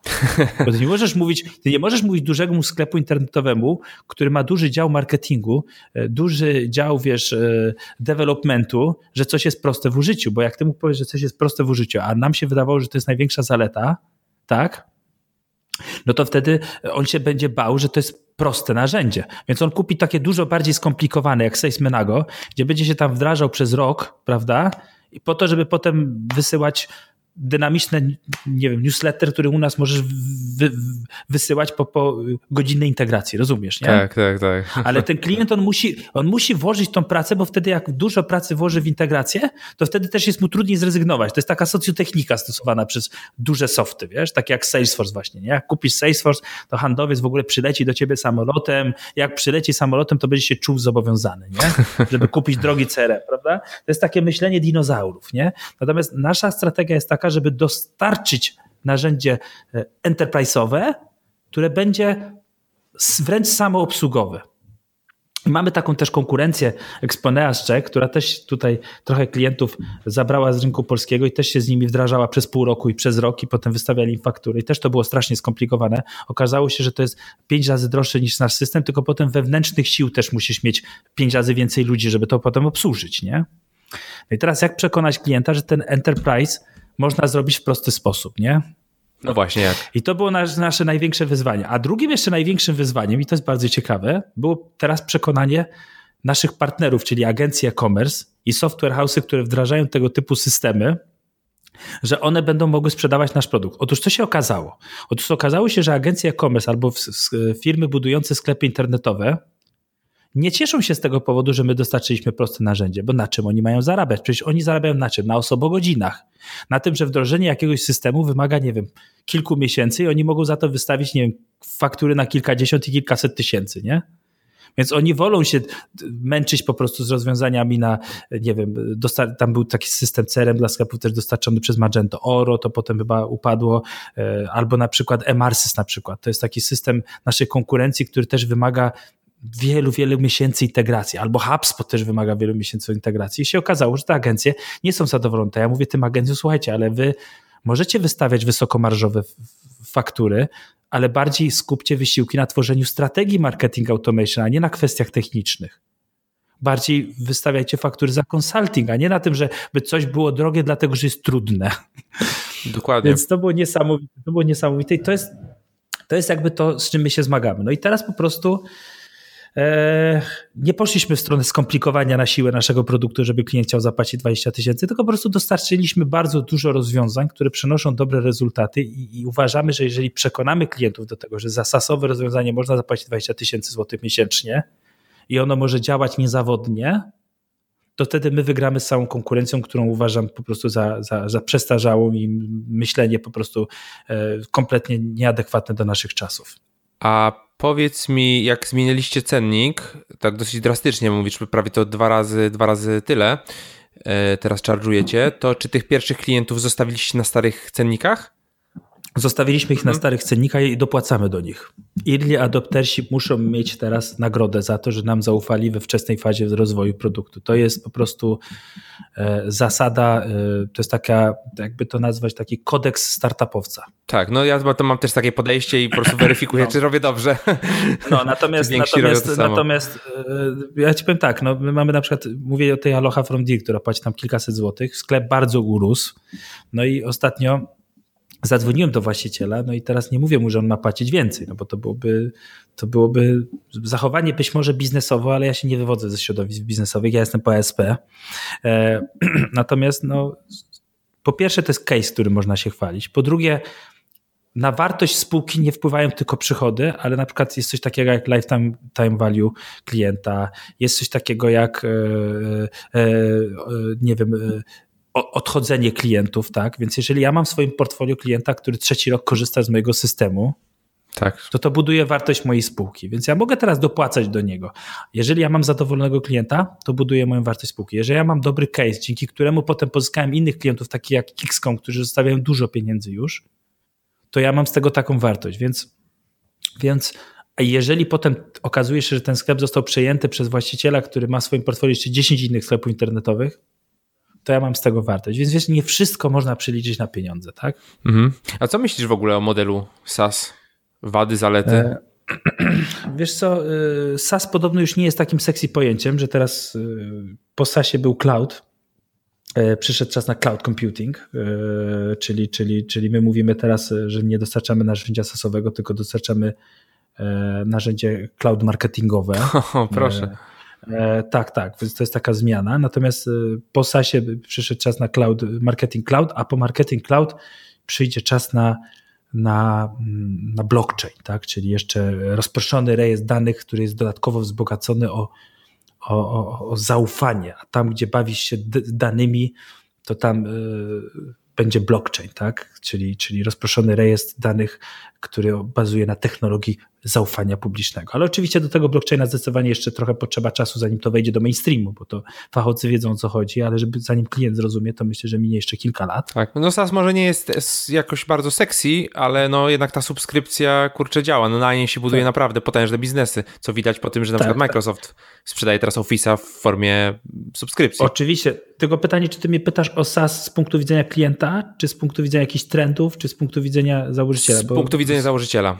Z punktu widzenia założyciela. Z punktu widzenia tak. założyciela, no to to jest e, era post-PC, która po prostu dostarcza rozwiązania przeglądarkowo i SaaS jest pewnym sposobem działania. Pytanie, na ile SaaS dotyczy, dotyczy tego, jak dostarczamy rozwiązanie, a na ile SaaS dotyczy tego, jak sprzedajemy to rozwiązanie, bo to jest też bardzo ciekawe, tak? Czyli e, moim zdaniem SaaS powinien dotyczyć nie tylko modelu, którym dostarczamy nasz produkt, czyli przeglądarkowo jest to skalowalne i może używać tego klient w całym świecie, ale też e, SaaS powinien mieć pewne odzwierciedlenie też modelu sprzedaży tego produktu, tak? Czyli żeby ta też sprzedaż była skalowana. Ponieważ mówimy o rozwiązaniach B2B, to pytanie na ile nasza sprzedaż jest też e, skalowalna i na ile nasza sprzedaż jest też, jest też samoobsługowa, więc podstawowym jakby wyzwaniem y, produktów SaaSowych, które są skalowalne, które są dostarczane w modelu SaaS, jest też skalowanie tej sprzedaży w modelu SaaS, czyli na przykład stworzenie jakichś funneli marketingowych, które powodują też, że produkt zacznie się sprzedawać sam. I to jest model też skalowania. Natomiast wiadomo, że potem przychodzą różne trendy i różne działy marketingu kupują rzeczy tylko dlatego, że one się ładnie nazywają i potem trzeba po prostu marketingu na takie zmiany, na takie trendy reagować. Ja już teraz widzę mnóstwo, mnóstwo y, właśnie marketingowych y, tekstów, które właśnie wszystko wprowadzają do blockchaina, wszystko wprowadzają do clouda, ale to już jest bardziej marketing, wiesz? No właśnie, a... Tak naprawdę, tak naprawdę rewolucją był SaaS. Rewolucją na równym poziomie będzie też na pewno blockchain, bo jednak ten rejestr rozproszony e, pozwala wyeliminować e, wiele niebezpieczeństwa związane z czymś, czym się, czego się ludzie bardzo boją. Czyli na przykład mieliśmy ten słynny wyciek danych Facebooka. Gdyby Facebook był na blockchainie, no to Facebook powiedział sorry, ale to, to nie są nasze dane, to są dane należące do ludzi, prawda? Oni je sami trzymają, tak? My nie jesteśmy tutaj odpowiedzialni za to, więc to jest, to jest bardzo ciekawe, a potem te dane są prawda, trzymane w rejestrze rozproszonym i nikt tymi danymi nie może manipulować, więc to jest technologia zaufania publicznego i moim zdaniem ona odegra, e, odegra ogromną rolę nie tylko w branży finansowej, ale także w branży właśnie tej bazodanowej i jeżeli ja wchodzę w blockchain, to nie dlatego, żeby, żeby tworzyć nowy projekt, ale też dlatego, żeby przygotowywać pomału te spółki, które już mamy do tej rewolucji. No dobra, to powiedz kilka słów w takim razie o Rahim Coinie i o Sapiensie. Rahim Coin to jest prawdopodobnie pierwszy na świecie udziałowy token personalny, który oznacza y, udział we mnie, czyli w moich zyskach, które pochodzą z firm kapitałowo ze mną powiązanych. Oczywiście to, co mówię teraz, y, pachnie instrumentem finansowym, ale tłumaczę to w języku potocznym. Trzeba to ubrać przepisy prawne, których nie ma, a te, które są, no to to jest w tym momencie pożyczka zwaloryzowana y, od setki. Tak? E, I taką też strategię ustaliliśmy w rozmowach z KNF-em, więc podszedłem do tego śmiertelnie poważnie. Nie chcę tworzyć tokena, który nie oznacza żadnej wartości wartości, tylko chcę stworzyć token, który reprezentuje wartość emitenta. Dostaliście oficjalną odpowiedź z KNF-u? Dostaliśmy już dużo odpowiedzi. Wszystkie są oficjalne, natomiast żadne nie są ostateczne. Rozmawiamy. E, natomiast, natomiast e, Chodzi generalnie o zamysł, żeby inwestować w człowieka, a nie, a, nie, a, nie, a nie w firmę. Dlaczego w człowieka? Bo większość startupów upada. Dlaczego w człowieka? Bo to już mówiłem wcześniej, człowiek podejmuje wiele prób i nie wiadomo, która się uda. E, I dlaczego człowieka? Też dlatego, że e, większość startupów upada, te wielkie firmy, które są wielkie, są często niedywidendowe i większość firm na, na giełdach papierów wartościowych jest niedywidendowa, więc jak można inwestować w firmy, które są niedywidendowe? Ludzie inwestują, podczas gdy ludzie zarabiają, bo ludzie muszą zarabiać, bo jakby nie zarabiali, to by, to, to by nie przeżyli.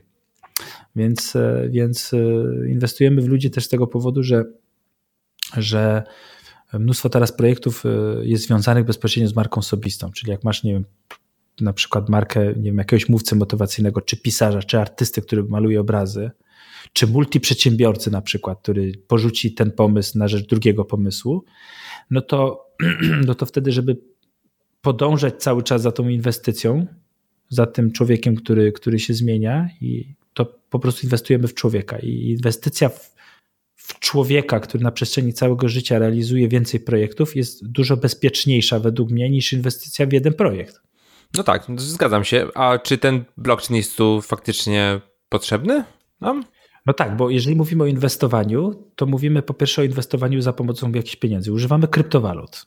Dlatego, że kryptowaluty, jak inwestujemy kryptowaluty, one są połączone z giełdą. No to jeżeli mówimy o walutach i giełdzie, no to w takim momencie, co tutaj powoduje, że, że, że, że, że, że to wszystko będzie działać. Yy, I my te, potrzebujemy teraz jakiegoś nadzoru, tak? I tym nadzorem, ty, ty, tą technologią zaufania publicznego nie jest tutaj instytucja, tylko jest technologia blockchain.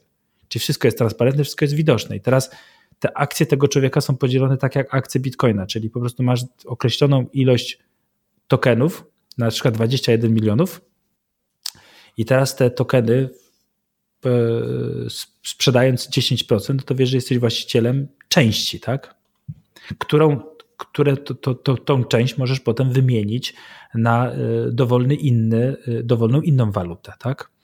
Tak. Więc przez to, że, przez to, że inwestujemy kryptowalutami i przez to, że potrzebujemy instytucji, a w tym momencie instytucje zastępujemy technologią, bo to jest ciekawe, że technologia blockchain zastępuje instytucje, czyli jeżeli teraz mieliśmy aferę z prezesem KNF-u, który wziął łapówkę prawdopodobnie, no to w takim razie musielibyśmy jeszcze stworzyć e, nadzór e, nad KNF-em, nie? Tak, tak. Agencje, no i teraz, i teraz, Komisję Nadzoru, Komisji Nadzoru.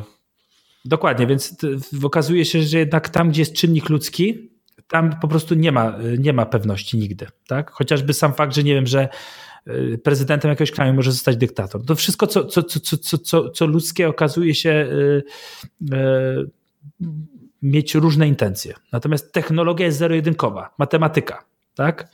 I prawdopodobnie, jeżeli matematyka za pomocą tych smart kontraktów i tych wszystkich algorytmów zastąpi właśnie te, te, ten czynnik ludzki, no to będziemy mieli najwyższy w ogóle poziom w ogóle zastosowania technologii, w której technologia, prawda, w, zastęp, wchodzi w zaufanie. Rozumiesz, nie? I dlatego teraz w inwestowaniu w tych ludzi jest potrzebna ta technologia. Bo my, bo my nie możemy teraz robić tego y, w taki sposób, jak, jak, jak robiono to do tej pory, bo się okaże, że jak ty kupisz jedną moją akcję za 3,50, to musimy pójść do notariusza, nie? Mhm, mhm i wydać 2000, nie? U notariusza za to, że kupiłeś jakąś akcję za 3 zł, tak? Lub ja będę musiał wejść do jakiejś giełdy papierów wartościowych i wydać milion na emisję, tak? Tak, no, no właśnie, bo, bo twoja Wtedy... koncepcja jest taka, że będziesz wypłacał powiedzmy dywidendę, czy tam odsetki od, od pożyczki, tak tym tak. prawnym językiem w tym momencie. Tak, prawny język i potoczny język to są dwa tak. różne języki. Potoczny język jest po to, żeby ludzie wiedzieli o co chodzi, prawny język jest po to, żebym nie poszedł za szybko do tak, tak, tak, tak.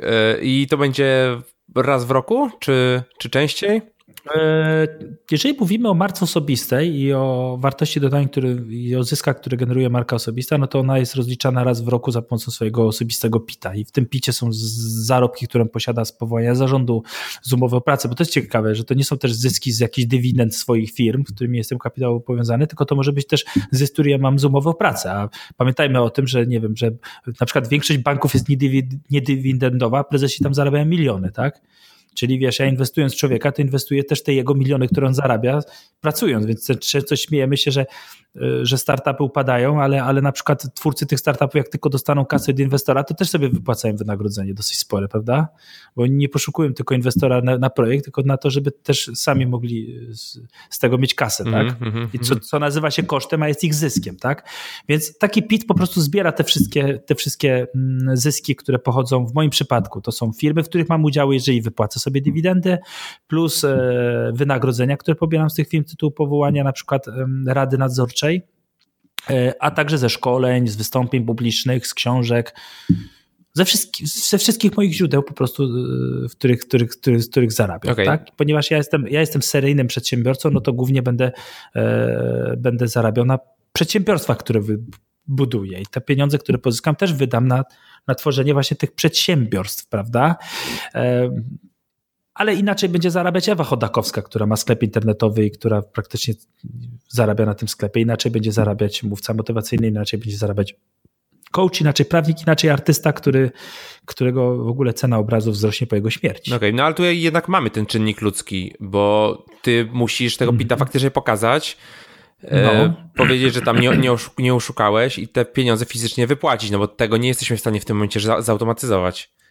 E, nie, oczywiście, że nie, ale e, oprócz zaufania e, popartego technologią jest też zaufanie do marki osobistej. Jak ja mam na przykład firmę, która dostała mnóstwo faktur, jest to spółka ZO, no to ja ją wtedy zamykam i otwieram następną, nie? A siebie nie zamknę, rozumiesz? Mm -hmm. I ja wtedy, wiesz, jeżeli ja sprzedaję 10% akcji, to ja nie chcę zrobić numeru, bo 90% należy do mnie i nie chcę, żeby ich wartość spadła do zera. Więc wiesz, tu nie o to chodzi, żeby teraz stworzyć mechanizm, który y, założy ludziom kajdanki, tylko pokazać im, że nie opłaca się kogoś oszukiwać. Że to jest nieopłacalne, że to jest nierozsądne, tak, kogoś oszukać, tak? Bardziej, bardziej w, tą, w tą nutę bym uderzał. Dlatego, że popatrz, na, popatrz, dlaczego ktoś wymyślił spółkę ZO. Spółkę z ograniczoną odpowiedzialnością. Korporacja, słowa korpus. No dlatego, że y, jak firma ma problemy, to ją zamyka. To jest sprytne, nie? I teraz, I teraz ja wiele miałem takich przypadków, że jakaś firma, kurczę, wystawiłem jej fakturę, zapłaciłem od tego VAT, ona się zamknęła i jeszcze państwo zrzuciło na mnie odpowiedzialność. A tamta firma, spółka ZO zamknięta, a prezes jeździ jeepem. i założył kolejną firmę. No to, jest, to jest paradoksalne. Tak, nie? tak. Wiesz, ja chcę połączyć człowieka z człowiekiem, jak Airbnb, i po drodze wywalić te wszystkie instytucje, żeby pieniądz, który przychodzi z jednej ręki do drugiej, po drodze gdzieś tam, wiesz, y, się, że tak powiem, y, nie wydawał, tak? Tak, tak, tak. E, chcę skrócić tą drogę. A co, a co jest twoją taką główną motywacją czy celem tego projektu? Wiesz co, tak, agencję social media w Polsce stworzyłem po to, żeby zacząć, po to, żeby stworzyć biznes ogólnopolski. Cashflow, Techno- e, e, No, żeby coś się działo, tak, żeby móc chodzić do tej firmy i dopiero robić to, co kocham, czyli, czyli social media, ale zastanawiać się też, co mogę zrobić jeszcze. Własną technologię stworzyliśmy po to, żeby stworzyć firmę globalną. Natomiast Rahim Coina nie tworzę po to, żeby stworzyć firmę globalną, tylko po to, żeby być w czymś prekursorem i żeby eksperymentować. No i teraz Sapiens czyli jakby kontynuacja e, tego. A Sapiens z kolei powstał trochę tak jak Idron, czyli w momencie, kiedy ja przeszedłem e, drogę przez mękę związaną z KYC, EML, regulaminem i, i wydałem ponad 100 tysięcy złotych na stworzenie white paper Rahim Coina i ponad 50 tysięcy na stworzenie pism do KNF-u, to stwierdziłem, że to nie może być tak trudne. I chcę stworzyć teraz giełdę, w której założenie e, swojego personalnego tokena i wyemitowanie swoich akcji, pozyskanie funduszy na swój rozwój będzie tak proste, jak założenie profilu na Tinderze do podrywania lasek. na własnym blockchainie? E, znaczy, to będzie na blockchainie, bo to będzie w rejestrze rozproszonym, bo wtedy ktoś ma e, pewność, że ja nie manipuluję jego danymi, plus to będzie połączone z wewnętrzną giełdą, gdzie ktoś będzie mógł tokeny tej osoby zamienić na inne waluty i potem kupić za to kebaba. Natomiast osoba, która to zakłada, wcale nie musi tej technologii rozumieć i nawet wiedzieć, że ona jest. Ona ma po prostu działać. Więc ja chcę jakby ten cały blockchain trochę zmainstreamować. Okej, okay, ale... To jest, tak jak, to jest tak jak zakładasz profil na Instagramie, wrzucasz tam zdjęcie i nie wiesz, że pod Instagramem jest naj, najdłuższy regulamin dotyczący przetwarzania e, praw autorskich. Tak? Wiesz, no nie wiesz tego, po prostu wrzucasz zdjęcie i, nie martwisz Ta. się o resztę. Albo na przykład korzystasz z Facebooka i nie martwisz się tak, o resztę. nie, chodziło mi o to, czy na, będziecie robili to na istniejącym blockchainie, na Ethereum, na Wavesie czy gdziekolwiek, czy... E, stworzymy okay. własny blockchain i to będzie taki blockchain, e, to będzie taki blockchain, na początku on będzie mm, blockchainem e, prywatnym, który będzie cały czas wysyłał zapytania do publicznego. Okej. Okay.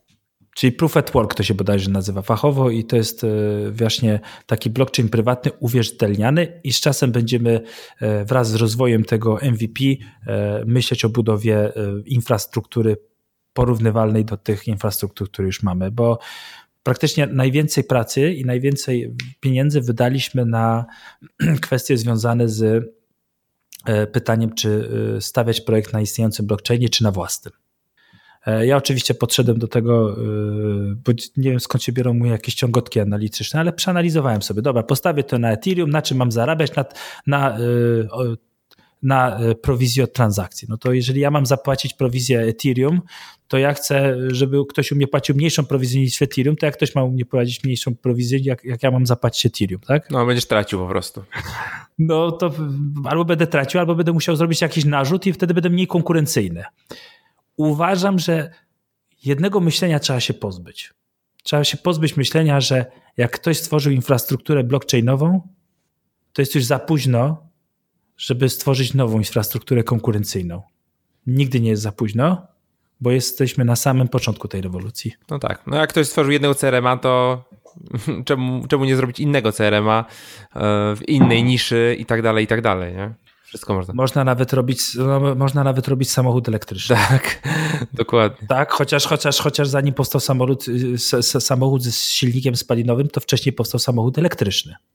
I Porsche pod koniec w ogóle XIX wieku wypuściło, wypuściło pierwszy samochód elektryczny. E, I to był, dopiero potem powstał samochód spalinowy, ale to były czasy, w których, w których e, spalinowy był tańszy. Tak, to nie był ten czas jeszcze po prostu. Dokładnie, więc czasami projekt też może e, wystartować za wcześnie. Często, się, często jak mówię o tym projekcie inwestowania w ludzi, to tak ludzie patrzą na mnie, mówią fajną masz wizję i tak mi współczują, że, że, że, że, że, że, że, robię, że, że robię to w Polsce. No, to powiem ci, że faktycznie myślę, że gdzieś, jeżeli to byś robił na globalną skalę, ale co w sumie możesz zrobić, no bo to kwestia jest przetłumaczenia po prostu tego przekazu na, na język angielski. E, Rahim Coinach, ja Rahim Coinach chcę zrobić w Polsce, zrobić, okay. bo, bo, bo, bo, bo, ja chcę do tego podejść tak patriotycznie ze względu na to, że to są moje udziały, udziały w moim majątku. Podchodzę do tego śmiertelnie poważnie, czyli myślę nawet o swoich dzieciach. Myślę nawet o tym, że moje dzieci dostaną często, część tokenów spadku, z dobrodziejstwem inwentarza, że oni będą musieli pamiętać o tym, że inne tokeny kupili inni inwestorzy.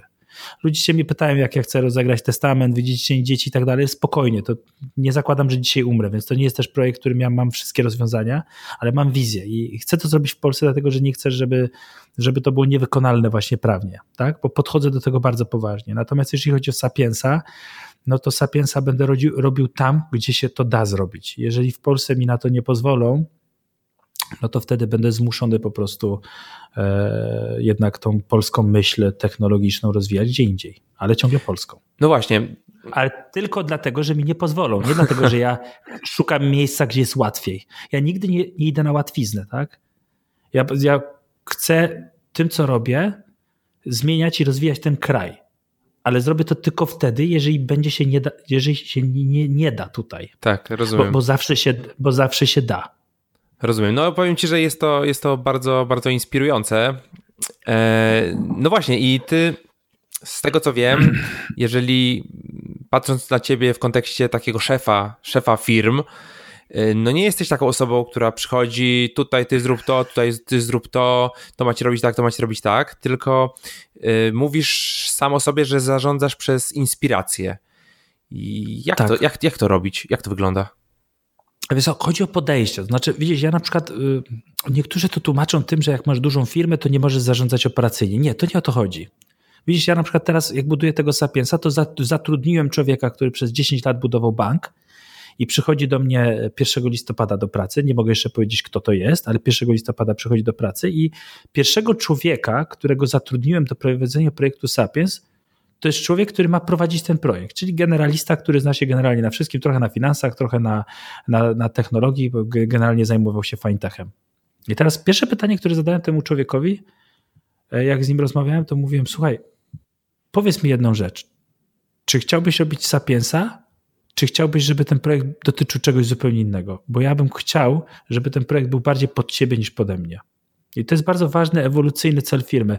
E, w startupach nazywa się to Lean Startupem, a w turkusowym zarządzaniu organizacją nazywa się to trzecim filarem zarządzania turkusowego, ewolucyjny cel firmy, który mówi: Jesteś pierwszym zapalnikiem, jesteś pierwszym klockiem domina, ale nigdy nie decyduj o tym, czym firma ma być i w jakim ma iść stronę.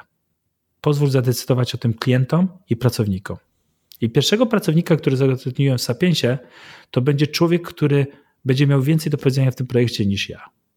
Okej, okay, a to się nie kłóci trochę z tym, że ten lider musi budować kulturę firmy, jakby wytyczać ten jakiś taki ten cel, ten kierunek działania. Ale ja, ale ja buduję, y, no to kierunek działania to jest ten pierwszy, pierwszy zapalnik, to jest ten pierwszy procek domina. Kultura działania, czy produktu, czy ekosystemu. No to ja tworzę środowisko. Ja jestem po to, żeby ludziom służyć.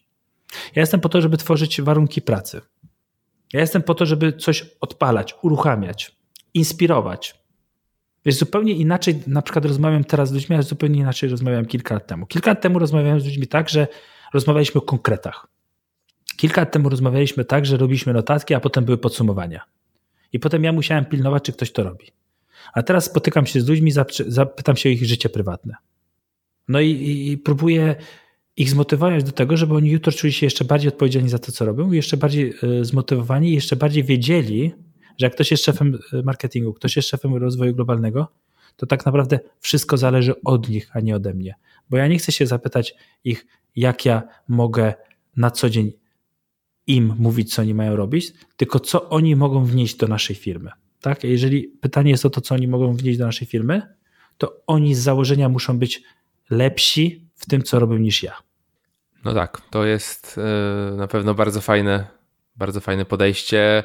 Myślę, że nie tak, nie tak prosto to, to wdrożyć, bo jednak no, szczególnie na początku myślimy, że wiemy wszystko najlepiej, tak? I że no tak, ale, ale, ale wiesz, ale tutaj celowo podałem ten przykład Sapiensa, bo teraz w tym momencie, jeżeli chodzi o Sapiens, mój budżet wynosi zero. Mój czas, który mam na to, to jest jedna szesnasta mojego etatu. A, a zacząłem od człowieka, który będzie po prostu miał totalnie holistyczne, generalne podejście do tego projektu i któremu ja muszę cały, całościowo zaufać. Więc w tym momencie ja mu nie mogę mówić, jak on ma rozwijać projekt, ja mu muszę stworzyć warunki, tak? Ja w tym momencie, wiesz, zajmuję się organizacją biura, organizacją przestrzeni i inspirowaniem go, tak? Inspirowaniem go do tego, aby on stworzył wielką firmę. I pamiętam, jak go wziąłem na rozmowę kwalifikacyjną, to nie zapytałem się go konkrety, ale on mi powiedział jedną rzecz, którą mi totalnie kupił, a jest to człowiek totalnie, wiesz, racjonalny. Ja mu mówię, co razem zrobimy? A on powiedział, rozpierdolimy galaktykę. A potem się go zapytałem, a czy stworzymy firmę większą niż ta, w której pracuję, a ta, w której pracuję zatrudnia prawie 10 tysięcy pracowników, bo to jest potężny bank. A on mówi, na pewno zrobimy coś większego. No to się dogadaliście. Od, od, od, razu, wiesz, jednak, jednak a propos dogadania się, jednak ludzie, z którymi ja bezpośrednio współpracuję, to jest bardzo ważne, żeby jednak, żeby jednak e, była ta chemia. To porozumienie metafizyczne. Wiesz, w pewnym momencie nie jesteś w stanie opierać się na konkretach, ponieważ wiesz, wyobraź sobie, że masz globalną firmę. Wyobraź sobie, że ja mam pracowników na przykład w Brazylii i że mam klientów w Brazylii i ja tam wyląduję, to co ja tam mogę zrobić operacyjnie? No nic. Jako właściciel no to co ja mogę zrobić co najwyżej, wiesz co?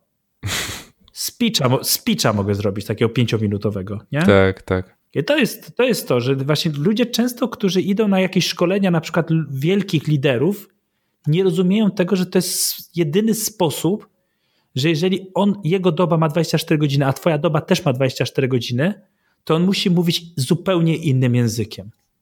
Bo wiesz, czasami ludzie nie są w stanie ogarnąć własnego życia i zamiast się zastanowić, jak on ogarnia tak dużo rzeczy, a ja na przykład przez, dzisiaj mamy środę i przez te trzy dni na przykład pracuję około 6 godzin na dobę, tak? E, to jak, prawda, pracując 6 godzin na dobę, bo ja generalnie jak nie jestem na delegacji, to pracuję mniej niż 8 godzin, bo, bo, bo rano mam y, przedszkole i długi spacer do tego przedszkola, a wieczorem staram się dzieci kąpać, no to generalnie ja muszę używać języka metafizycznego i języka motywacyjnego a nie operacyjnego. No tak, bo po prostu nie masz na to czasu. Ty masz czas na zainspirowanie kogoś mam... do tego faktycznego operacyjnego wszyscy... działania. Bo wszyscy mamy tyle samo czasu. No tak, przy czym. Mm... A, a, a, ludzie się mnie pytają, prawda, skąd ty bierzesz, y, jak ty produkujesz czas, że, że, że, że, że, że ty masz rodzinę, firmę i tak dalej. No to to jest, to jest właśnie zmiana pewnego podejścia i zmiana pewnego właśnie języka. I jestem zbulwersowany tym, Jakie jest podejście aktualnie mm, świata marketingowego, technologicznego i w ogóle polskiego biznesu w ostatnim czasie do, do kwestii związanych na przykład z coachingiem, rozwojem osobistym i tak dalej. To jest kompletne niezrozumienie tego języka. Że ja na przykład słyszę o tym, dlaczego Gary nie uczy kogoś, jak coś przeklikać, tylko wrzuca takie motywacyjne hasła. No z kilku powodów. Znaczy, widocznie, widocznie tak się buduje globalną firmę, tak? Widocznie, e, widocznie, e, kiedy coś tworzysz, no to tworzysz ten przekaz też metodą weryfikowanego uczenia się i patrzysz, co rezonuje, prawda? No tak, to tak jakby Jobs sobie siedział i robił filmiki, jak korzystać z Maca. I wiesz, i my tego, i my tego nie rozumiemy, tak? My, my idziemy na, na jakieś przemówienie i my się zastanawiamy nad jedną rzeczą, co on nam konkretnie powie. To przepraszam, jeżeli ja mam obcować z jakimś liderem i usłyszeć, co on mi konkretnie powie, to ja sobie przeczytam na przykład w internecie albo kupię jego książkę. Mnie nie interesuje, co on mi konkretnie powie. Ja chcę zobaczyć, jak on pachnie. Ja chcę zobaczyć, jak ta maszyna po 13-godzinnym locie ze Stanów Zjednoczonych a zaraz pewnie wsiądzie znowu w swój odrzutowiec i poleci do innego kraju, jak ona sobie radzi fizycznie. Prawda? I my sobie, nie, my sobie nie zadajemy tych pytań, czyli to jest to, czego nauczyła mi sztuka, wiesz, tej metafizyki. My sobie w ogóle nie zadajemy pytanie o, o, o kwestie mentalne, tylko cały czas właśnie oczekujemy tych konkretów. A wiesz, a, a, a, a w biznesie to nie, nie zawsze 2 plus 2 daje 4 i nie, nie zawsze wiadomo, jak coś zrobić, bo gdyby było wiadomo, to by wszyscy to robili, tak? No tak, no tak. A powiedz, jak rozdzielasz pracę od rodziny? To są dwa różne światy, które dzieją się równolegle. Nie może być tak, że jest yy, granica między życiem prywatnym i między życiem zawodowym, ponieważ ja w pracy kocham to, co robię i na przykład pracy żyję. Jestem człowiekiem, tak? Czyli jak do mnie żona zadzwoni, to odbieram telefon, nie mówię, sorry, jestem w pracy. Jak e, mam coś załatwić osobistego, to załatwiam i też na to pozwalam pracownikom. Natomiast z kolei, wiesz, jak w domu na przykład się okaże, że nie wiem, mam nagle jakiś super pomysł pod prysznicem, no to się zawieszam. Czyli bardziej work-life integrated niż work-life balance, czyli bardziej nie granica między życiem prywatnym i zawodowym, tylko bardziej mix. E, ale ten miks jest jak najbardziej uzasadniony, dlatego że te dwa światy nigdy nie ze sobą nie konkurują, bo są różne. No ale mówisz, że czasowo, czasowo to faktycznie sobie poukładałeś, jeżeli 6 godzin to jest taki twój czas operacyjny, Yy, tak, dlatego że, dlatego że w nocy mam teraz sześciomiesięcznego syna, który ząbkuje. W nocy pomagam żonie, wstaję i e, noc bywa nieprzespana. I wyzwania związane z wychowaniem dwójki dzieci to jest dużo trudniejsze wyzwanie niż prowadzenie firmy. Wiem coś o tym, bo mam tak. dwutygodniowego syna, a córka moje, moje dwóch lat dobiega. gratulacje. Tak, również dla ciebie gratulacje.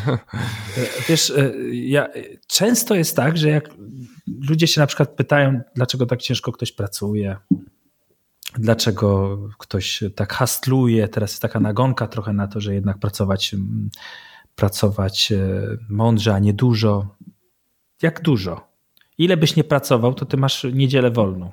To masz sobotę wolną, to masz kiedy chcesz wolne. No, pracuje się generalnie 5 dni w tygodniu. Jak chcesz, to możesz pracować 6. Przede wszystkim kochasz to, co robisz, więc jak kochasz to, co robisz, to większym wyjściem ze strefy komfortu jest zostawić pracę niż, niż, niż, niż siedzieć w tej robocie, tak?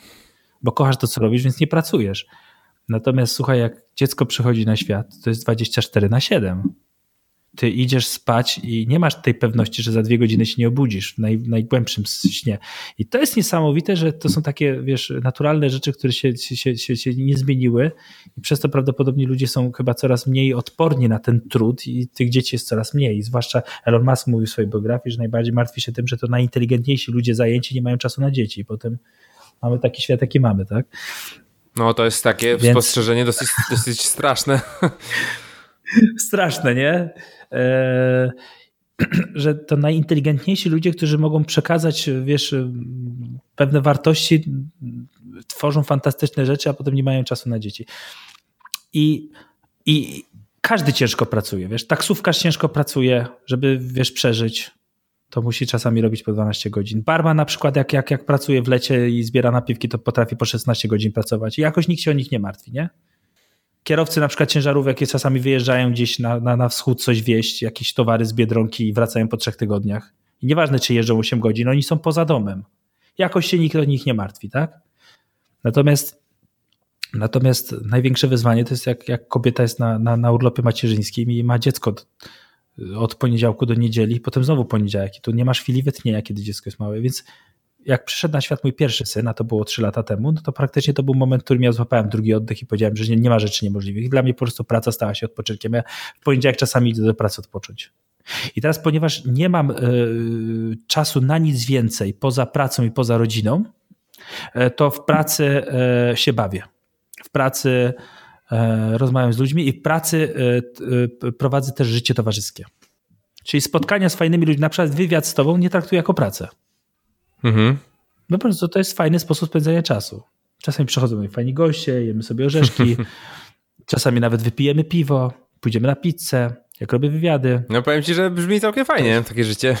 No taka jest, ale taka jest praca. No ale zobacz, jeżeli ja teraz tworzę ten Sapiens i pierwsze co myślę to o człowieku, który będzie generalnie odpowiedzialny za ten projekt, to już sobie ustawiam tak, że ja nie będę nim zarządzał. Czyli szukam osoby samodzielnej, tak? Czyli ja już nie mogę sobie teraz pozwolić na to, że ja, ten projekt będzie całkowicie zależny ode mnie. Oczywiście on też będzie wtedy generalny też będzie szukał kolejnych osób i to rozwijał, e, bo też ma, ma, ma, ma dziecko, ale widzisz, no to jest takie już podejście, że w pewnym momencie rozumiemy, że, że, że, że sami tej firmy nie zbudujemy, tak? Że potrzebujemy ludzi na pokładzie. I musimy ten czas produkować. Jak ja teraz z Tobą rozmawiam, no to tutaj jedna osoba robi zdjęcia do Facebooka, druga już spisuje z tego artykuł, trzecia w ogóle robi z tego podcast, ty robisz z tego materiał poza mną. Jeszcze tutaj Mateusz teraz nagrywa wideo i generalnie chodzi o to, żeby godzina, którą teraz poświęcę, to powstało z tego minimum 40 godzin materiału. No to jest świetne podejście, to jest świetne podejście. Wolę, sytua- wolę sytuację, w której godzina mojej pracy wygeneruje 40 godzin materiału, niż 40 godzin mojej pracy wygeneruje godzinę materiału. Tak, to zdecydowanie. I to jest taka moja zasada produkowania czasu. Tak. No widać cię w internecie, no nie da się ukryć, że po prostu jesteś, jesteś wszędzie. Ale nie ja to wrzucam. Ale nie ty to wrzucasz. Ty jesteś gdzieś tam Skąd? twarzą i faktycznie godzina materiału. Ja jestem, ja, słuchaj, ja, ja, ja, jak zatrudniłem personal brand managerkę Paulinę Wiesiołek, której powiedziałem, Paulina, jest taka jedna zasada, jedną rzecz umawiałem. Możesz budować moją markę osobistą. Możesz w moim imieniu powiedzieć, co tylko chcesz, pod jednym warunkiem. Że nie ja będę za to odpowiedzialny i że nie będzie wymagało to ode mnie czasu. Tak, tak, tak. Budowanie marki osobistej, rozumiesz? Tak, tak. A powiedz mi, o co chodzi z tymi hashtagami? Bo zawsze to będzie dobry wywiad, to będzie dobry tydzień, to będzie dobry dzień. To jest takie. Taki hashtag ma się kojarzyć po prostu z Rahimem? E, wiesz co, chodzi o to, że hasztagi na Facebooku są bez sensu. No tak. Bo nie budują zasięgu, prawda? No, dokładnie. I ludzie, zobacz, ludzie, ludzie gadają, gadają na przykład o tym, czy budują zasięgi, czy nie budują zasięgi, szukają znowu jakichś takich konkretnych informacji. A tak naprawdę są bez sensu. A jak są bez sensu, to co mogą być? Symboliczne. Więc ja teraz nie buduję hashtagu, nie wiem, na przykład funkcjonalnego typu wywiad, żeby ktoś akurat chciał szukać wywiad i żeby to skategoryzować, tylko buduję hashtag symboliczny, to będzie dobry wywiad, nie? No i potem wiesz, i potem nagle patrzę, jak ludzie cytują, jakby to powiedział klasyk, to będzie dobry wywiad, ale to już nie mój wywiad, rozumiesz? Więc lepiej jest czasami uderzyć w nuty jakieś emocjonalne i symboliczne, niż tylko czysto funkcjonalne, zwłaszcza kiedy ta funkcja jest, jest, jest nieuzasadniona. Jeżeli chodzi o hasztagi, tak z punktu widzenia praktycznego, no to one na Twitterze rzeczywiście w momencie, kiedy mówisz o czymś e, wtedy, co wszyscy, no to wbijasz się pewną, pewne flow i wchodzisz w pewną dyskusję. Na Instagramie dociera do grupy docelowej, Natomiast na Facebooku no to ma to wartość głównie symboliczną, ewentualnie pozwala kategoryzować posty. Czyli jeżeli ja robię jakąś prezentację i mówię ludziom, że oficjalny hashtag tej prezentacji to jest, to będzie dobra prezentacja, no to wszyscy, co wrzucą pod tym hashtagiem, no to ja nie mając ich znajomych, jestem w stanie po prostu pod hashtagiem ich wszystkich tak, znaleźć. Tak, tak, tak, tak. No i wtedy zobaczyć te wszystkie posty i sobie stworzyć z tego dobry user-generated content, tak, który jeszcze mnie promuje, bo ludzie o mnie mówią, więc więc, więc, więc to, by było, to by było na tyle, jeżeli chodzi o, o hashtagi. One mają znaczenie symboliczne i pozwala, jest jedyna, jedyna forma wytłuszczenia tekstu i jakość wyróżnienia się i stworzenia czegoś Tak, no ale to działa, to działa, bo to się po prostu no, da zauważyć. E, właśnie tak się zastanawiałem, czy to jest po prostu element taki, żeby, cię żeby był kojarzony z twoją, z twoją osobą. E, masz czas tak. czytać książki? E, dobre pytanie niesamowite. Nie mam czasu, ale czasami przeczytam pół strony i to jest lepsze niż nic. A w ogóle to bardzo dużo książek kupuję i z nimi obcuję. E, czytam w godzinach pracy. Czyli na przykład, e, jeżeli coś przygotowuję, na przykład, nie wiem, biorę. Zobacz, masz dwie opcje czytania. Jedna to jest taka, że zaczyna się weekend, o 20 już dzieci śpią, Otwieram książkę Raja Kurzweila Nadchodzi osobliwość e, o tym, jak e, technologia połączy się z biologią i kiedy przekroczymy granice swojej cielesności. Książka ma tam 500 stron, jest godzina 21 w piątek, otwieram książkę, włączam lampkę i po drugiej stronie usypiam. A jest druga opcja. E, w listopadzie 2018 roku mam jakąś prezentację i chcę tam coś powiedzieć o, o tym, jak personalny token może stać się taką osobliwością, ponieważ informacje na blockchainie nigdy nie zginą, więc mój token też nigdy nie zginie i generalnie znalazłem sposób na to, jak stać się nieśmiertelnym. No i sztuka szybkiego czytania polega na tym, że jeżeli za y, jutro jest ta prezentacja, to nagle się okazało, że ja y, w ciągu dwóch godzin przeczytam 150 stron. Mówisz, jest taka adrenalina, nie? Tak, tak, tak, tak. Więc to jest mniej więcej, ja to zauważyłem po tym, jak pamiętam, jak byłem studentem i nie miałem pieniędzy i szedłem do Empiku, czytałem. Słuchaj, na stojąco potrafię pół książki przeczytać. Tak, tak. Jak czas, czas y, jest bardzo ciekawą rzeczą, bo jak jest go mało, to potrafimy zrobić mhm. w jednostce czasu dużo, dużo więcej. Wczoraj na przykład sobie kupiłem nową książkę 21 y, lekcji na XXI wiek i tam y, otworzyłem tą książkę, tak? I tak stałem, nie? Stałem i, i, i trzymałem dziecko i tak otworzyłem i nagle przeczytałem jedną stronę, drugą stronę, trzecią stronę, czwartą książkę, tak na stojąco z dzieckiem, nie? I sobie myślę, pewnie gdybym się zbierał do takiego czytania, jak niektóre dziewczyny robią to na Instagramie, że leżą sobie na plaży i wpisują hashtag relax, to pewnie, pewnie by mi to dużo więcej zajęło, nie? I, pewnie, i nie wiadomo jeszcze, czy, czy bym się wtedy w ogóle wczytał i dopasował do tej, do tej książki i do wiedzy, która z niej płynie.